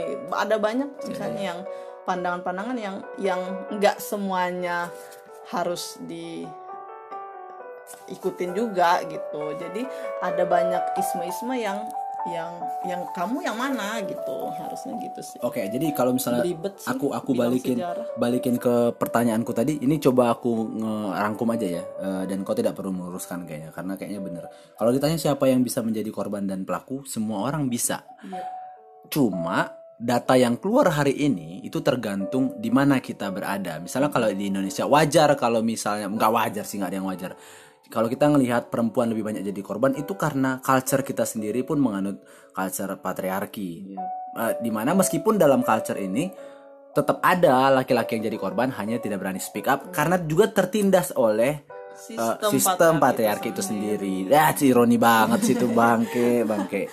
Itu ya teman-teman. Jadi kalau teman-teman berpikir bahwa laki-laki hanya laki-laki hanya laki-laki yang bisa jadi pelaku, Iya sering pertanyaan tuh kenapa Pupang cuma untuk perempuan untuk kami yang laki-laki ya bikin aja kelompok Iya, iya, iya. kelompok laki-laki gitu. makanya ada gerakan kayak laki-laki Laki-laki baru. ba- laki-laki baru terus ada apa ya lupa aku namanya Ah. muncul itu karena kesadaran itu bahwa Semua orang laki-laki terbeban juga gitu, oleh beban, iya. patriarki gitu. Eh, patriarki itu ya, kalau aku ya, kalau aku ini entah aku yang males atau kalau bisa ya jangan lah gitu, gitu. ngapain sih ya bebannya harus aku semua gitu. Tapi itu singkat cerita lah ya. Jadi teman-teman harus sadar siapa pun bisa menjadi korban dan siapa pun bisa menjadi pelaku dan apa pun temboknya itu pasti bisa. Ya mungkin ini nggak harus Grace yang menjelaskan kalau teman-teman pernah lihat bapak memperkosa anak Ops ya benar ya kan sekali. atau oo memperkosa pokoknya bahkan dari lingkungan-lingkungan terdekat kakek gitu Nah, jadi itu yang jadi persoalan yang mungkin jadi topik pembahasan kita hari ini bahwa oh, kalau dulu orang menganggap bahwa yang jahat-jahat itu terjadi di mana? Di luar rumah gitu.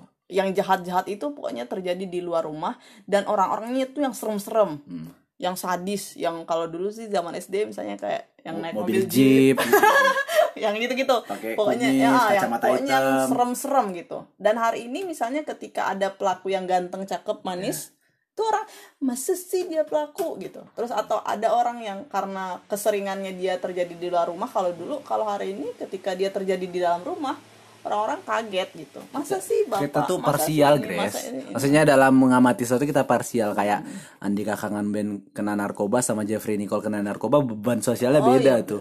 Dia kena ujian. Iya, kalau misalnya Jeffrey Nicole kalau Andika mampus. Udah jelek, jelek gitu. ini, ini, gitu. kita Kalau tuh Jeffrey sangat Nicole, empiris ah, kayak gitu, gitu. jadi kadang karena itu juga karena apa ya? Karena eh, visual kita yes itu yes benar-benar. kayak menggambarkan bahwa yang jahat itu terjadi di luar rumah terus orang-orang yang serem yang jahat yang badan besar dan segala macam yang serem deh pokoknya. Ini- ketika dia hari ini terjadinya berkebalikan tuh kita nggak terima gitu. Bahkan yang terburuk misalnya masa iya sih eh, pemuka agama. Oh, pemuka agama, gitu. iya, iya. jadi kayak nggak mungkin lah dia kan kerjanya ibadah ini ini ini kayak itu kan Tadi film gitu. Spotlight kan. Iya, itu salah satu film yang sangat mendebarkan tidak hampir tidak ada adegan perkelahiannya tapi jantungmu kayak deg deg deg deg karena ngeliat kasus-kasus. orang tuh karena visual yang dis- diseragamkan ketika dia sorry sorry ini kita jangan sampai ke sana lah ya. Aku tahu sebenarnya tujuan ini adalah ya bagaimana media membentuk opini dan panjang-panjang. Jadi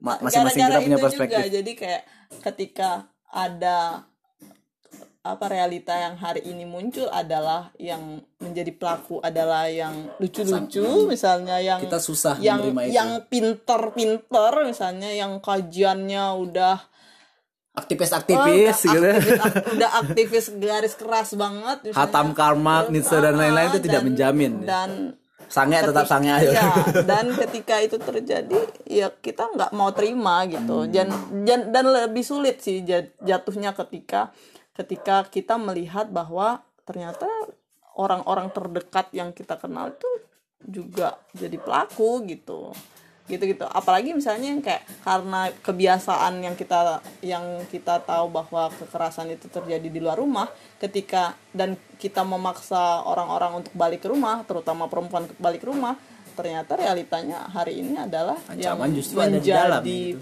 tempat paling nggak aman itu adalah rumah gitu Yayasan Puma mencatat bahwa di tahun aku lupa 2017 atau 2016 itu hampir 95 sabar sabar sabar. Data Oh, iya. data juga udah jadi Iya, pertanyaan gue ya. hampir- kita tidak belum masuk ke hampir sana. semuanya itu pelakunya adalah orang-orang Orang terdekat, terdekat. Uh, gitu. jadi ya. iya gitu. Jadi karena ini tadi bahwa Ironically, kita merasa bahwa yang yang jelek jelek yang jelek-jelek itu di luar kita gitu. Jadi ketika dia ada di dalam itu kayak balik lagi masa sih gitu Eh, biasanya emang gitu sih Grace yang ngejual Yesus tuh Yudas murid-muridnya sendiri gitu. yang ngejual Yusuf itu adik-adik saudara Iya, gitu, saudara gitu kan. Nah, sendiri gitu. justru ketika itu ter- dulu itu sudah terjadi. Iya, sudah terjadi, Dan hari dan- ini ketika itu terjadi kita, kita kayak kaget, mempertanyakan. gitu. iya benar-benar Itu kayak kajiannya harus yang, lebih yang, dalam. yang bunuh kain kan Ah, iya iya kan pembunuhan sangat- pertama di dunia ini. sangat alkitabiah sebenarnya podcast ini saudara-saudara Iya kan, maksudnya yang kayak kayak hari ini ketika kita nggak yakin itu bahwa misalnya yang memperkosa adalah ayah. Ayahnya. kandung ayah tiri kakaknya lah, gitu. kakeknya pamannya gitu. Terus tapi itu juga apa dikaitkan dengan perspektif soal ketabuan sih. Misalnya kayak eh, nama baik keluarga gitu-gitu. Ya orang sulit membicarakan persoalan kekerasan dan mempublikasikannya gitu-gitu. Jadi ketika mengalami ketika di rumah terjadi kekerasan tuh orang nggak mungkin tiba-tiba langsung ngomong kan? Di rumahku terjadi ke itu tuh nggak itu mungkin sudah terjadi sejak dulu kala tapi memang karena kondisinya di rumah terus malu terus ya nanti dibilang orang gini-gini orang nggak mau membicarakan itu gitu. Dan ketika hari ini eh, akses informasi yang banyak terus layanan informasi dan layanan bantuan eh, penanganan kekerasan sudah semakin banyak orang semakin berani untuk bicara. Dan faktanya adalah kekerasan terjadi di rumah gitu. Di rumah siapa? Ya cek rumah masing-masing lah. gitu sama siapa pun. Bahkan yang tidak punya rumah gitu. Semuanya di mana pun dan siapa pun itu sangat berpeluang gitu. Jadi sebenarnya eh, wajar sebenarnya kalau ada orang-orang progresif kayak Ben dan Rara yang hari ini memutuskan belum punya anak. Itu mungkin kekhawatiran-kekhawatiran itu ada gitu ya. Ba- banyak orang justru menurutku untuk hari ini tuh adalah kesadaran Hmm. kesadaran bahwa dunia ini nggak baik-baik aja kesadaran Aku sih bahwa ya. lingkungan ini nggak baik-baik aja ketika kau berani untuk em, melahirkan seorang anak harus kau harus bisa menjamin bahwa dia akan hidup dengan aman dan nyaman gitu Kalau aku sih dari perspektif teologis ya percaya bahwa dunia ini tidak baik-baik aja sejak Adam jatuh ke dalam dosa. Dosa membuat semuanya menjadi kacau. Itulah sekilas ya saudara-saudara sekalian. Eh, jadi fakta bahwa dunia ini tidak bahwa dunia ini baik-baik saja itu sebuah ke Kayak, klise banget menurutku. apa manipulatif Iya, sangat manipulatif. sangat manipulatif sih menurutku yang kayak ya kita akan aman berdoa ini ini menampikkan realita bahwa ya dunia ini lagi nggak baik-baik gitu Sabar-sabar nanti ketika Yesus datang kedua kalinya di situlah dunia ini akan baik-baik aja di langit dan bumi yang baru. Nanti kita masuk ke situ yang lebih panjang gitu. Oke, setelah kita eh, udah ngomongin soal siapa yang bisa menjadi korban dan pelaku, ya probabilitas itu selalu ada bagi siapa pun.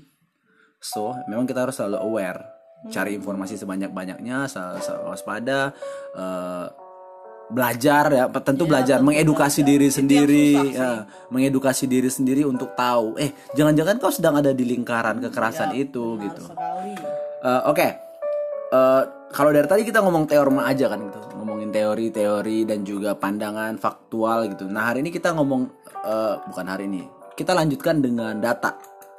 Nah kata orang hari ini data is power, Grace. Jadi without without data kau cuman dinilai sebagai bacot aja gitu ya. Jadi hari ini perang kita adalah perang data. Data siapa yang paling valid, data siapa yang paling benar, maka dialah yang akan eh, punya hak dalam menyampaikan kebenaran. Nah kita akan bicara soal data.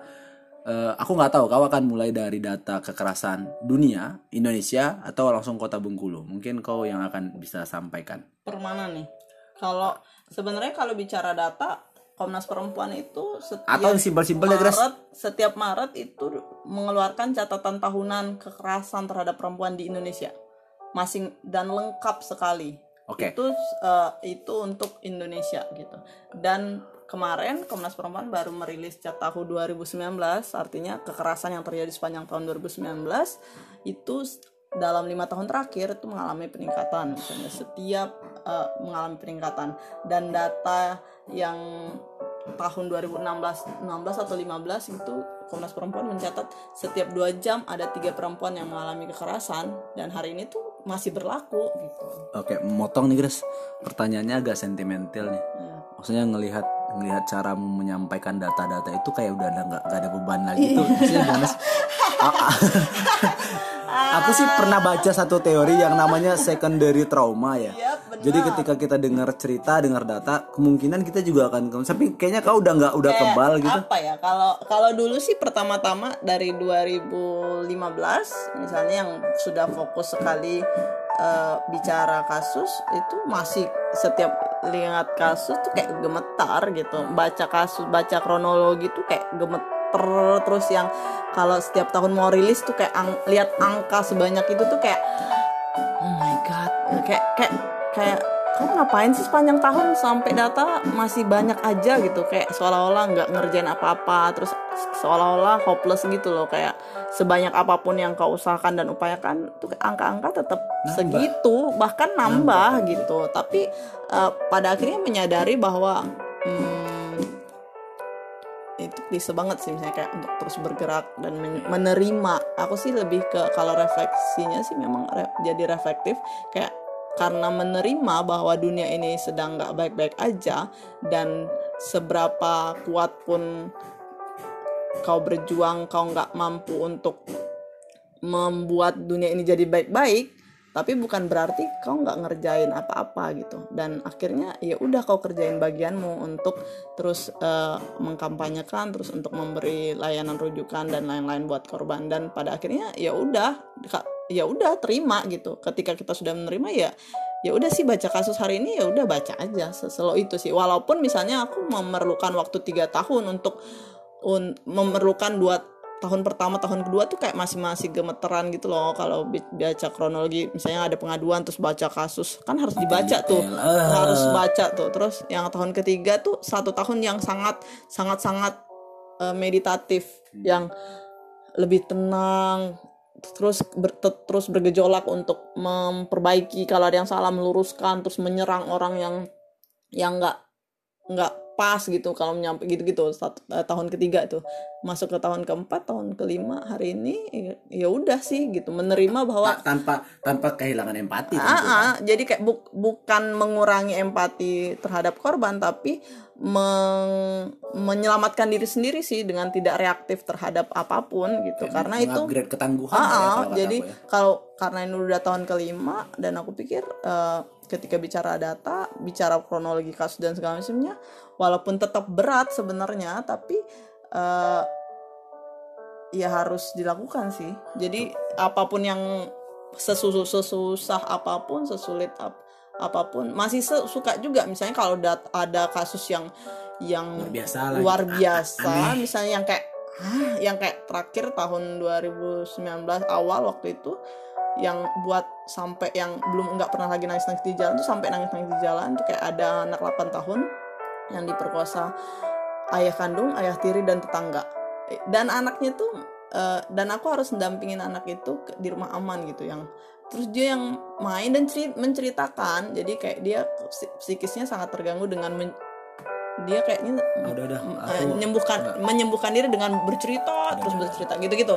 Jadi pada akhirnya yang harus yang ya kalau kalau kalau kau nggak kuat? kalau nggak kuat ya udah berhenti gitu. Maksudnya kalau kau nggak kuat ya gimana Ah, ah, gitu itu kan, kalaupun kalau kau nangis di depan dia ya nggak usah kerja di situ.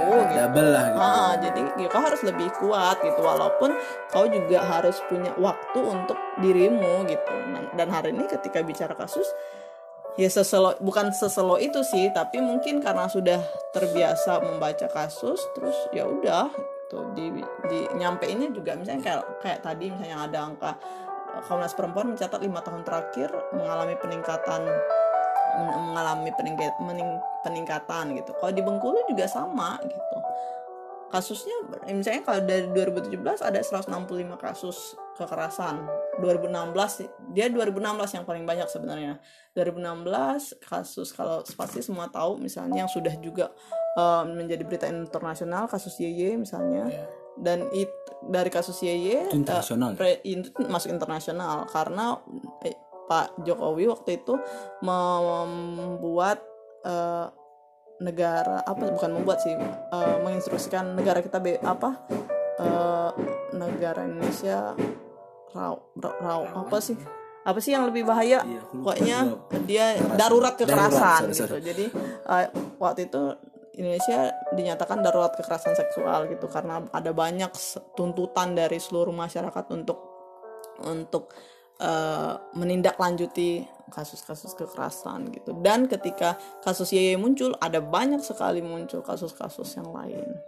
Gitu dan kalau datanya apa ya teman-teman bisa cek misalnya di uh, websitenya Komnas Perempuan. Tiap tahun ada jadi ada cat dia namanya cat tahu 2000 kalau teman-teman mau data 2019 berarti teman-teman cari cat tahu 2020 karena selalu rilis misalnya 2000 untuk kekerasan yang terjadi di 2019 itu rilisnya di Maret 2020 gitu. Kita bilangnya cat tahu 2020 dan Pupa juga mencatat itu sih.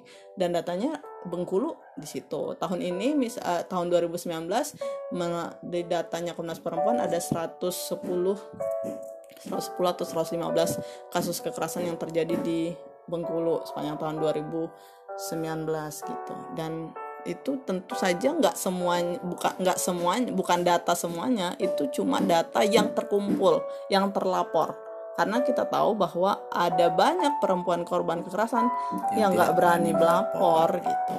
Jadi jadi itu cuma sepersekian dari kekerasan yang terjadi sebenarnya. Cuma ada 110 orang yang berani ngelapor. Kalau asumsi pupa sendiri? Oh, ada. Kalau Komnas Perempuan mencatat it, selu, ri- 400 ribuan data itu kekerasan yang terjadi sepanjang 2019 itu hanya 11% dari data. Jadi itu kalau itu hanya 11% berarti Kalikan kan ada ya, gitu. ya udah kalikan aja gitu. Kalaupun itu 10% berarti ada eh kali 100 lagi dong ya. Ya Gitu-gitu. anggaplah dengan kesalahan perhitungan 20% tetap aja itu 8 kali lipat Iya. atau 7 kali lipat gitu. kalau kalau data yang nggak berubah misalnya setiap dua eh bayangin aja deh setiap dua jam ini ngobrol-ngobrol podcast dua jam ini ada tiga perempuan di luar sana yang mengalami kekerasan itu eh, data yang ring terlihat ringan tapi miris gitu Itu hitungan-hitungan statistisnya Ah, aja lah jadi ya. kayak selama 12 dua jam ngobrol slow atau nongkrong di kafe itu bayangin di luar sana di luar kita ada dua perempuan eh, ada tiga perempuan yang mengalami kekerasan dan itu siapa aja ya, Bisa siapa aja kayak kita bahas ya tadi. bisa siapa aja gitu. Oke, eh, itu tadi aku penasaran banget sih soal pertanyaan yang personal itu dan Teng udah berani eh, udah ngejawab gitu karena eh, apa ya? Si orang-orang yang bekerja di bidang, maksudnya kerjaan-kerjaan kayak kita ini kan bukan kerjaan yang bonafit ya. oh iya benar Maksudnya kalau mau cari yang kaya mah jangan ada dikupah yang gitu. nggak ada asuransi jiwanya deh Iya. asuransi Asuransi psikis. jiwa lah ya. Maksudnya Asuransi kemungkinan kita gila iya. mah sangat besar sebenarnya. kalau misalnya untuk Melihat ada secondary trauma yang tadi kita bahas. pendamping korban tuh biasanya dia mengalami trauma sekunder. Hmm. Dia jadi yang eh, apa? Yang menjadi korban ketika melihat bukan ketika melihat terus menerus gitu. Jadi eh, jadi kayak memilih ada banyak orang ya nggak nggak masalah sih akhirnya tuh ada banyak orang yang bertanya bahwa Grace mau nikah?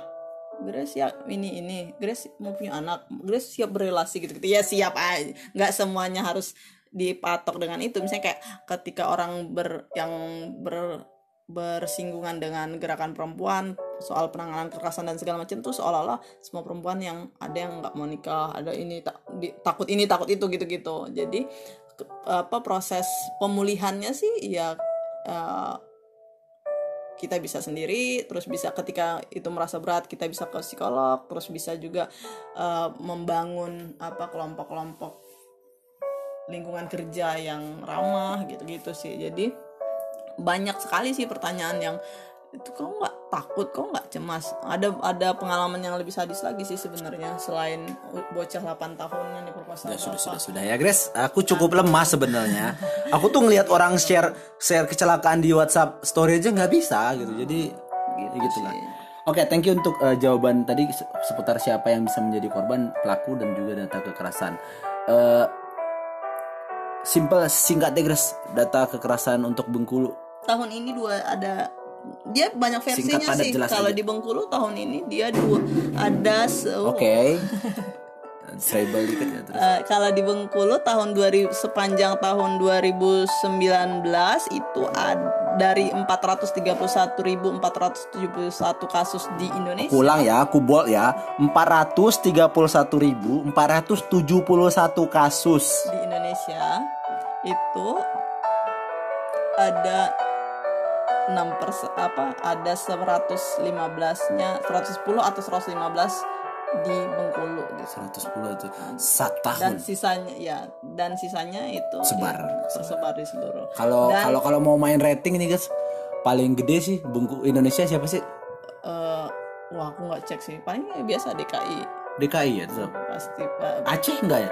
eh, Aceh juga enggak enggak kalau kan rating tadi ya Kalau- rating So, sih dia data-data bicara bicara jumlah penduduk juga sih Oh, jumlah iya, iya, penduduk iya, akses iya, layanan terus seberapa ramahnya akses layanan Karena terhadap 10 perempuan dan anak 10 di gitu. Bengkulu dan 10 di DKI pasti persentasenya ah, beda ya. beda, sorry sorry sorry. gitu. Aku agak jadi tahun 2007 18 ke 19 itu mengalami peningkatan, sebanyak 6 persen Aduh. Seingatku waktu itu masih ada 400 400-an kasus tahun 2018 Yang dan belum. 2019 sekarang 431 ribu. Wow. Oh, sangat sangat signifikan ya kalau ngomongin Gitu ya. data.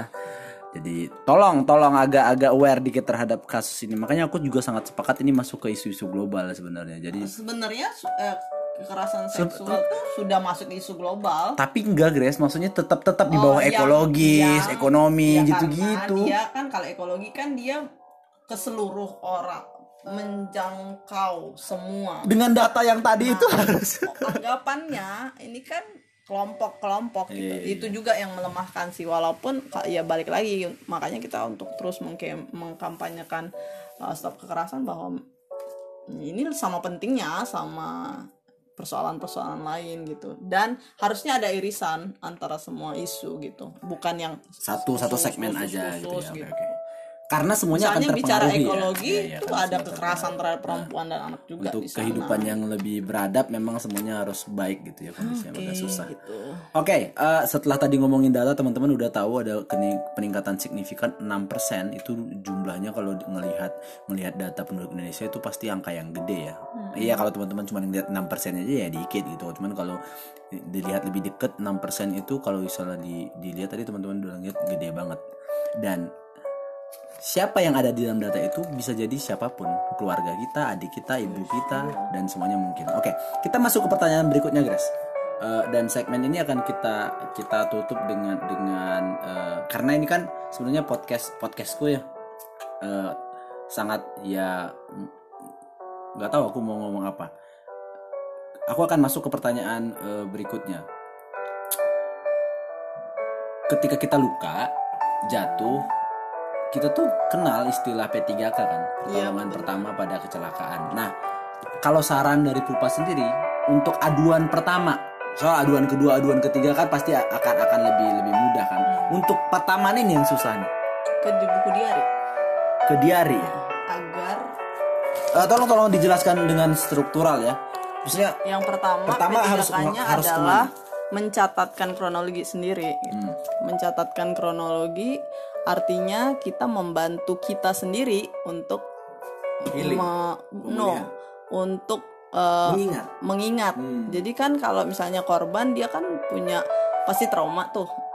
Jadi ketika nanti di pengaduan misalnya udah sampai BAP di polisi itu kan dia akan susah untuk menjelaskan gitu. Apalagi Jadi- secara struktural. Susah jadi kayak mengulang. Jadi nanti kalau di BAP misalnya akan ada pengulangan-pengulangan pertanyaan yang membuat dia semakin stres. akhirnya jawabannya mengawal. Ah, ah, jadi ad- makanya itu juga yang sering membuat kasus-kasus nggak naik kan. Ya, ini bohong, dia ini, dia ini karena uh, kita nggak yakin eh, sama apa yang kita alami gitu. Apalagi teknis pertanyaan Ah, ah, polisi makanya kadang-kadang berulang. kan. kenapa? Apa yang pertama ya ke ditulis gitu, ditulis secara kronologi kronologinya gitu. Terus yang kedua eh, cerita ke salah satu orang, satu orang. Dan kalau boleh dan harusnya itu keluarga. Mau nggak mau. Karena kenapa? Ya ya ya tapi kayak tadi ya balik ke, ke rumah. Nggak semua keluarganya ini ya misalnya kalau kejadiannya justru yang jadi pelaku adalah keluarga paling tidak harus ada satu orang yang bisa kita ceritakan yang kasus itu gitu. Jadi kalau misalnya terjadi di luar rumah misalnya yang mengalami yang menjadi pelaku adalah tetangga pacar atau siapa pun itu harus balik ke rumah. Ceritanya ke rumah. Tapi yang jadi persoalan adalah anak-anak kan suka nanti keluarga dimarah sih. "Ih, nggak apa-apa dimarah. Kalau aku sih bilangnya nggak apa-apa dimarah karena mau seburuk apa pun kau di luar sana yang akan menerimamu adalah keluarga gitu itu kompleksitas Iya, banget. dan ya. yang serba Ah, salah. ah, jadi ya menurutku paling kok dimarah, dibentak-bentak sih. Iya. Tapi udah itu pasti akan dipeluk menurutku. Nah, kalau dia terjadi di dalam rumah, ya kau harus cari temenmu di luar. di luar di, di luar rumah gitu. Karena kalau ter- dia terjadi di rumah, resikonya adalah ya cari aman, nama baik keluarga dan segala macam. Itu yang pertama, eh, yang kedua. Bentar, ini aku penasaran sebenarnya. Eh, tapi nanti lah ya, maksudnya di episode yang lain. Aku mau ngomongin soal eh, toxic relationship. Pasti itu kan rame banget ya ngomongin itu sudah data siapa cuma nanti lah aku jadi penasaran ketika Ya, itu nanti itu. khusus itu. oke lanjut Terus yang kedua, eh, ketika tadi udah cerita, eh udah nulis diary atau Orang nulis di kertas, terpercaya. terus orang yang terpercaya. Terus yang ketiga, ya healing dulu. Misalnya kayak meyakinkan diri sendiri untuk berani, karena nggak mudah gitu. Jadi dan ini lebih ke ini sih, ke teman-teman sih. Misalnya ya, ah, teman-teman atau yang enggak. kalian, teman-teman kali, teman-teman di mana pun berada gitu. Ketika ada korban, percaya korban gitu. Jadi bukan yang eh, kalau kau ngalamin eh, nggak lagi di situ tapi membangun eh, lingkungan yang percaya sama korban gitu. Nah, kalau terjadinya sama makanya sebenarnya milih teman penting Iya. Pergaulan Iya benar. Jadi kayak kalau misalnya eh, apa kalau misalnya tadi bicara soal seberapa eh udah nul- udah ditulis terus udah di udah eh, ngadu sama orang yang dipercaya terus eh, yang ketiga menyiapkan diri untuk untuk em,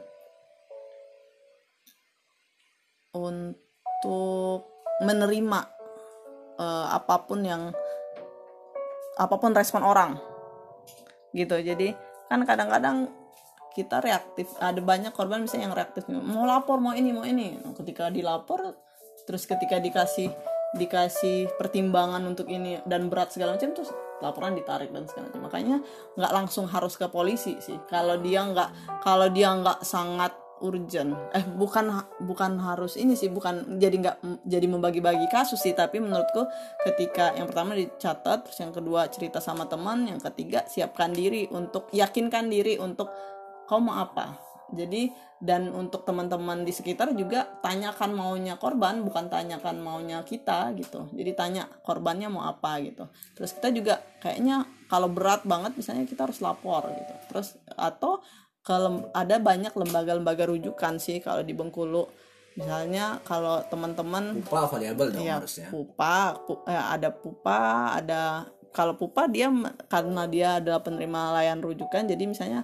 eh, temanmu mengalami kasus kekerasan kau bisa datang ke pupa dan kita akan kasih rujukan Hmm. ke eh, lembaga layanan yang Yang memfasilitasi yang lebih kompet kom- kompeten untuk menangani kasus menangani korban misalnya. Karena dia nggak cuma bicara ini kan Ada hukum, sistem dan ada segala macam ada ya dan ada ada ruang aman juga yang untuk uh, korban. Terus ada uh, bantuan hukum ada ada bantuan psikolog dan segala macam pendampingan yang intens buat korban dan keselamatan korban dan keluarganya gitu jadi teman-teman bisa datang ke PUPA terus dari PUPA nanti bisa ngerujuk ke lembaga-lembaga lain atau misalnya negara tuh sebenarnya mempersiapkan ada yang namanya uh, UPTD PPA Unit Pelayanan Terpadu Perlindungan Perempuan dan Anak di Dinas Pemberdayaan Perempuan di kota dan provinsi Bengkulu. Kalau di Bengkulu eh, kota dia ada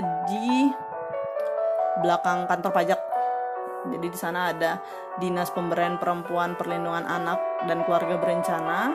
Di sana ada UPTD PPA namanya. Teman-teman bisa datang langsung datang ke sana. Nah, kalau dia untuk tingkat provinsi misalnya dia di masing-masing kabupaten juga ada UPTD PPA atau P2TP2A.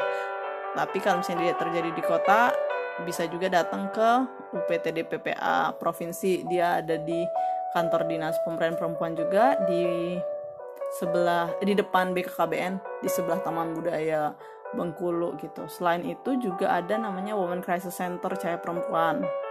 Terus ada ada ada apa lagi ya? Banyak sih sebenarnya. Yang ada lembaga bantuan hukum juga yang ada bintang keadilan, ada eh ada ya sejenisnya lah aku sampai LKBH, UMB dan segala macamnya yang, yang bisa memfasilitasi teman-teman untuk menerima layanan gitu. Terus juga ada Orang-orangnya orang-orang profesional. Iya, dan ada juga himpunan psikologi yang di rumah sakit khusus jiwa. Jadi teman-teman bisa langsung ngerujuk ke sana gitu. Gitu-gitu sih. Jadi setelah itu nanti baru ditanyakan lagi nih, misalnya kalau kasusnya adalah kasus masuk kasus berat nih, misalnya kayak perkosaan, kekerasan seksual dan segala macamnya itu kan penanganannya nggak cuma konseling kan. Dia butuh layanan psikiater atau layanan psikologi atau juga langsung ke misalnya bantuan hukum, misalnya atau apa apa bantuan apa litigasi bagi korban misalnya butuh pengacara atau pengaduan dan segala macamnya pendam butuh available, peng ya yang kau ben- sebutkan? ben- peng- pengaduannya bisa datang ke apa untuk pengaduan pendampingan kan dia harus intens tuh misalnya Hmm. kayak pemanggilan dari polisi nanti harus ada yang nemenin kan Iya, iya, iya. misalnya kalau misalnya ada temanmu jadi korban kau kan nggak cukup kompeten untuk menemani gitu. Jadi Ini udah jadi korban, jadi korban Ah, lagi ah, tanpa, ah, tanpa jadi harus ada lembaga layanan yang mendampingi korban gitu. Terus itu sih kalau ada laya yang bicara layanan. Sim- simpelnya guys maksudnya eh, sebutin dong maksudnya kanal-kanal yang Pupa punya sendiri untuk bisa dihubungi jika ada mana tahu teman-teman ada yang ngedenger ini terus ke mana Oh, Kalau kalau di, di. Pupa eh, bisa hubungin aku via Instagram, Facebook. Nomor ada WhatsApp? Vivi boleh lah. boleh disebutin nomor WhatsApp Oh, di DM aja dulu karena kan karena itu nomor private juga sih, nggak ada hotline khusus. Terus bisa juga hubungin Vivi Sulastri kalau dari Pupa. Di, bisa di DM di media sosial, ada Facebook, Instagram. apa Kalau Pupa, Instagramnya at Yayasan Pupa, Facebooknya Yayasan Pupa gitu. Yang nanti bisa kita rujuk. Terus kalau eh, langs eh, misalnya kita nggak standby dan segala macam, bisa langsung datengin. Kalau fasilitas negara sebenarnya bisa pas lebih cepat sih biasanya. Misalnya kayak tadi ke UPTD PPA dan eh kota dan provinsi. Di sana ada kepala UPTD dan staf-staf yang eh, standby gitu. Berarti kehadiran Pupa sendiri tuh se- semacam gerakan kolektif juga lah ya untuk bisa Oh iya, untuk makanya bisa kita juga membangun mekanisme rujukan, sedang mengajak seluruh kelompok-kelompok masyarakat untuk bisa bersinergi mencegah dan melayani kekerasan seksual. Oke, eh, 41 menit nih Grace. Aku ingin menutup bagian ini dengan dengan pertanyaan yang mungkin rada sensitif nih untuk pendengarku juga. Eh, ya ini sebenarnya eh, terbuka juga ya untuk untuk semua kalangan gitu, bukan bukan cuma satu kalangan aja gitu. Cuman pertanyaannya adalah ini, mungkin gak sih kekerasan kekerasan seksual lah spesifiknya aku bilang. Eh, mungkin nggak kekerasan seksual itu terjadi di ruang-ruang persekutuan atau komunitas rohani. Entah itu Kristen, Muslim atau apa pun mungkin nggak. Terus ya sebenarnya pertanyaan selanjutnya adalah pertanyaan yang eh, sangat eh, diplomatis ya jawab pertanyaan retoris. Tapi eh, mungkin dari kau sendiri mungkin nggak? Dan dan eh, sekitar 18 menit terakhir ini aku mau kau jelasin soal itu. Mungkin nggak kekerasan terjadi di ruang-ruang persekutuan dan komunitas rohani dan sejauh ini bagaimana Pupa ngelihat untuk Bengkulu? Langsung aja spesifik gitu. Boleh boleh boleh samarkan samarkan wait wait. Samarkan organisasi atau apa pun dengan X Y Z tapi bukakan fakta-fakta itu bahwa ada loh gitu. Itu yang aku pengen tahu dan pe- aku pengen pendengarku tahu juga Kalau bicara mungkin gak sih? Tentu mungkin gitu. ya kalau balik ke dasar yang kita Iya, bahas tadi kalau ya misalnya balik lagi ke siapa pun ber peluang perlu ren- berpotensi untuk jadi pelaku gitu. Jadi jangan jangan lupa kalau ya kalau itu bicara siapa pun ya harus adil dong dalam berpikir. Susah juga ya kalau kata Pram adil sejak dalam pikiran. Susah sekali dong.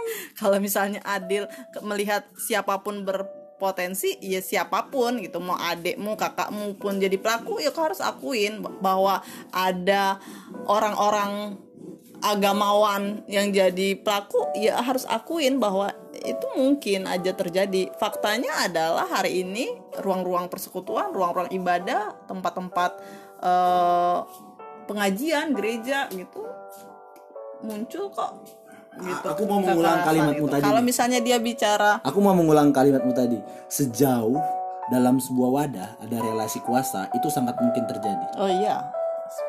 Ketika ada satu atau kelompok orang ingin menguasai seseorang atau sekelompok orang, kekerasan bisa aja terjadi gitu.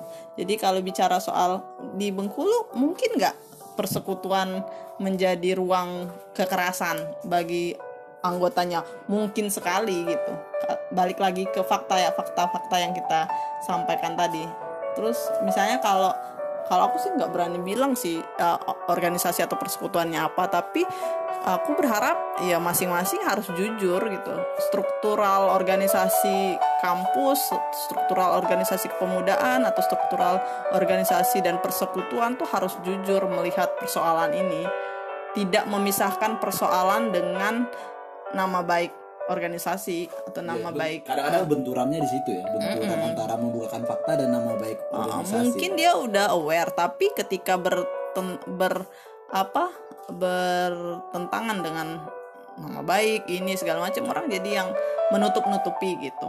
Jadi kalau misalnya pertanyaannya tadi adalah ada nggak? Banyak sekali sebenarnya.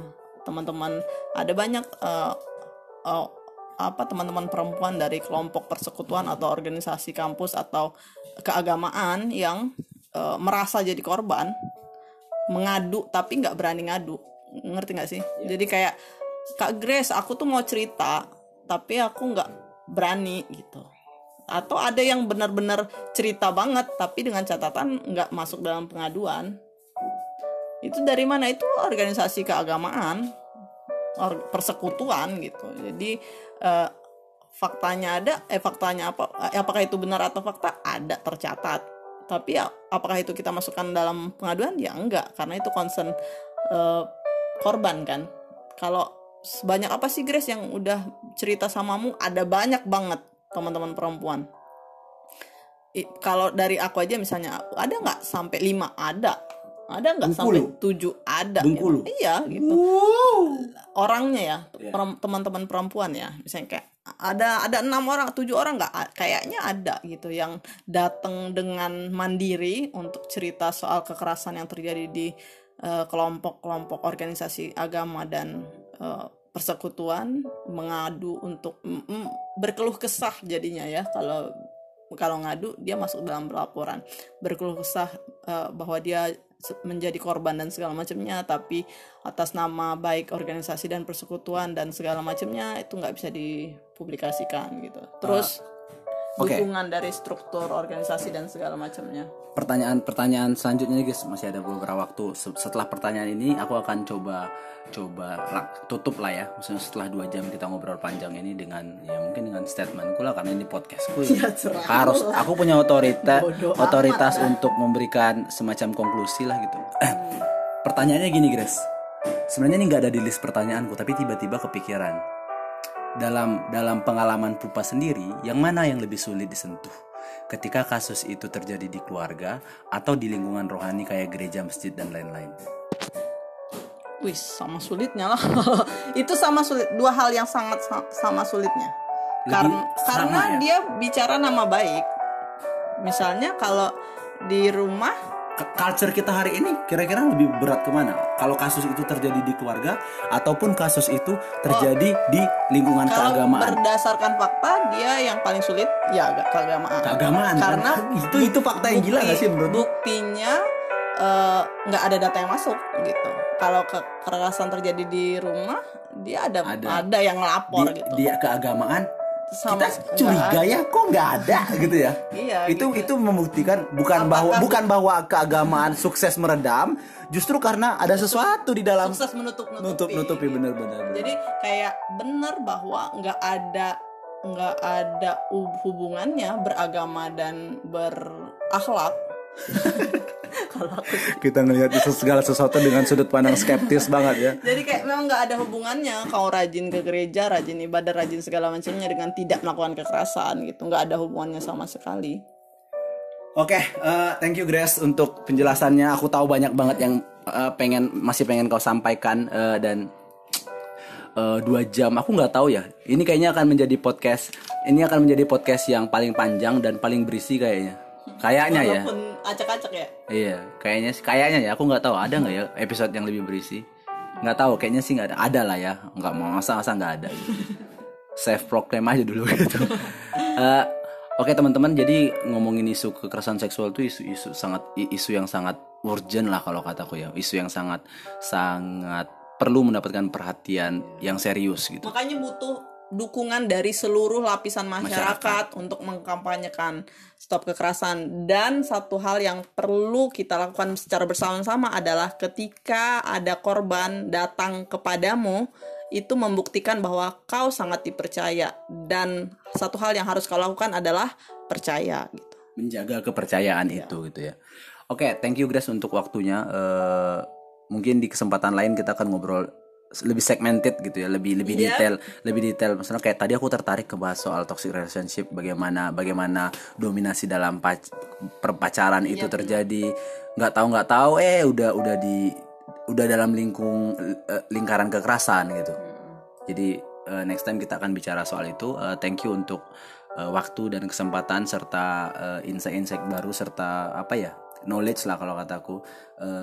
Ya untuk teman-teman sekalian eh, yang ngomongin kekerasan seksual sebenarnya nggak nggak ada yang dibenarkan ya gitu. Nggak ada juga yang yang harus merasa eh, apa ya merasa berkuasa. Kalau kata kalau kata aku ya satu-satunya cara untuk meredam ini adalah kesadaran untuk mengasihi itu cinta kasih balik lagi ke ya aku mungkin akan menutup bagian ini dengan statementnya Yesus kali ya. Karena aku eh, orang Kristen gitu menutup menutup bagian ini dengan statementnya Yesus. iya sih meskipun kayaknya secara de jure aja gitu de faktonya nggak tahu ini faktanya gitu. Jadi mengutip kalimat Yesus apa yang paling penting yaitu kasihlah Tuhan Allahmu dengan segenap hatimu dan dengan segenap jiwamu dan dengan segenap akal budimu. Itulah hukum yang terutama dan yang pertama. Dan hukum yang kedua yang sama dengan itu ialah kasihlah sesama manusia seperti dirimu sendiri. Sejauh hukum kedua hukum ini dipegang dengan baik nggak akan mungkin ada terjadi hal-hal yang dari tadi kita omongin. Meskipun sangat utopis ya di tengah-tengah dunia yang berdosa ini itu sangat utopis tapi harapan harus tetap ada. Aku suka bagian ketika kalau teman-teman yang ngikutin One Piece bagian ketika Zoro eh, fight sama Mihawk. Jadi ketika itu Zoro udah kalah udah pasti kalah. Dan ketika mau ditebas punggungnya terus Zoro ngadap belakang. Kok kok eh ngadap depan? Kok kok ngadap depan? Aku mau nebas punggungmu aku lebih baik ditebas di bagian depan. Karena kalau kau tebas bagian belakang itu sama dengan aku eh, menghindar gitu. Jadi sejauh perjuangan aku nggak tahu kita akan menang atau enggak nih Grace dalam perjuangan ini. Tapi kita udah pasti kalah kalau kita berhenti. Yep. ya kira kiranya podcast 2 jam ini bisa eh, ya memberikan pencerahan bagi teman-teman yang baru mendengar atau baru tahu eh, keadaannya atau teman-teman boleh disegarkan bagi teman-teman yang udah mungkin udah familiar dengan isu ini. Thank you untuk dua jamnya Eh, untuk kata-kata penutup biasanya aku tuh minta orangnya untuk mengucapkan statement atau quote yang terngiang banget boleh dari ahli penyanyi atau siapa pun gitu kalau enggak kau sebutkan dua kata lucu aja gitu kau pilih itu sebutkan quote atau dua kata lucu Eh, eh, apa ya? Eh, nggak boleh dari kau gitu. yang jadi diingat terus kira-kira apa eh, aku kalau udah kayak gini malah nggak inget ya apa-apa udah ya. dua kata lucu dua kata lucu Dua kata lucu. Kok mesti dua kata lucu sih? ya kan tadi udah yang berat-berat bahas yang serius, menutup terus- menutup dengan yang lucu itu sebuah yang normal Nah mungkin ini yang jadi beda sama orang lain sih. Aku agak susah untuk berlucu-lucu dua ya. kata lucu Dua kata lucu. Micin? Itu satu dong. Oh dua kata lu lucu. misalnya micin segerobak gitu. Gitu Eh, nggak kepikiran Anda memang tidak punya punya sense of humor ya sepertinya. Sudah terlalu banyak ngurusin kasus jadi tidak punya sense of humor. Ketawanya juga udah ketawa joker gitu. Ah, tapi tidak tahu apa yang diketawain. Tapi yang Oke, paling penting quote lah adalah quote quote quote, yang paling penting adalah mari gerak bersama untuk eh, cegah kekerasan, menyadari dan peka terhadap eh, lingkungan di sekitar. Stop kekerasan terhadap perempuan dan anak. sampai jumpa di eh, lain waktu ciao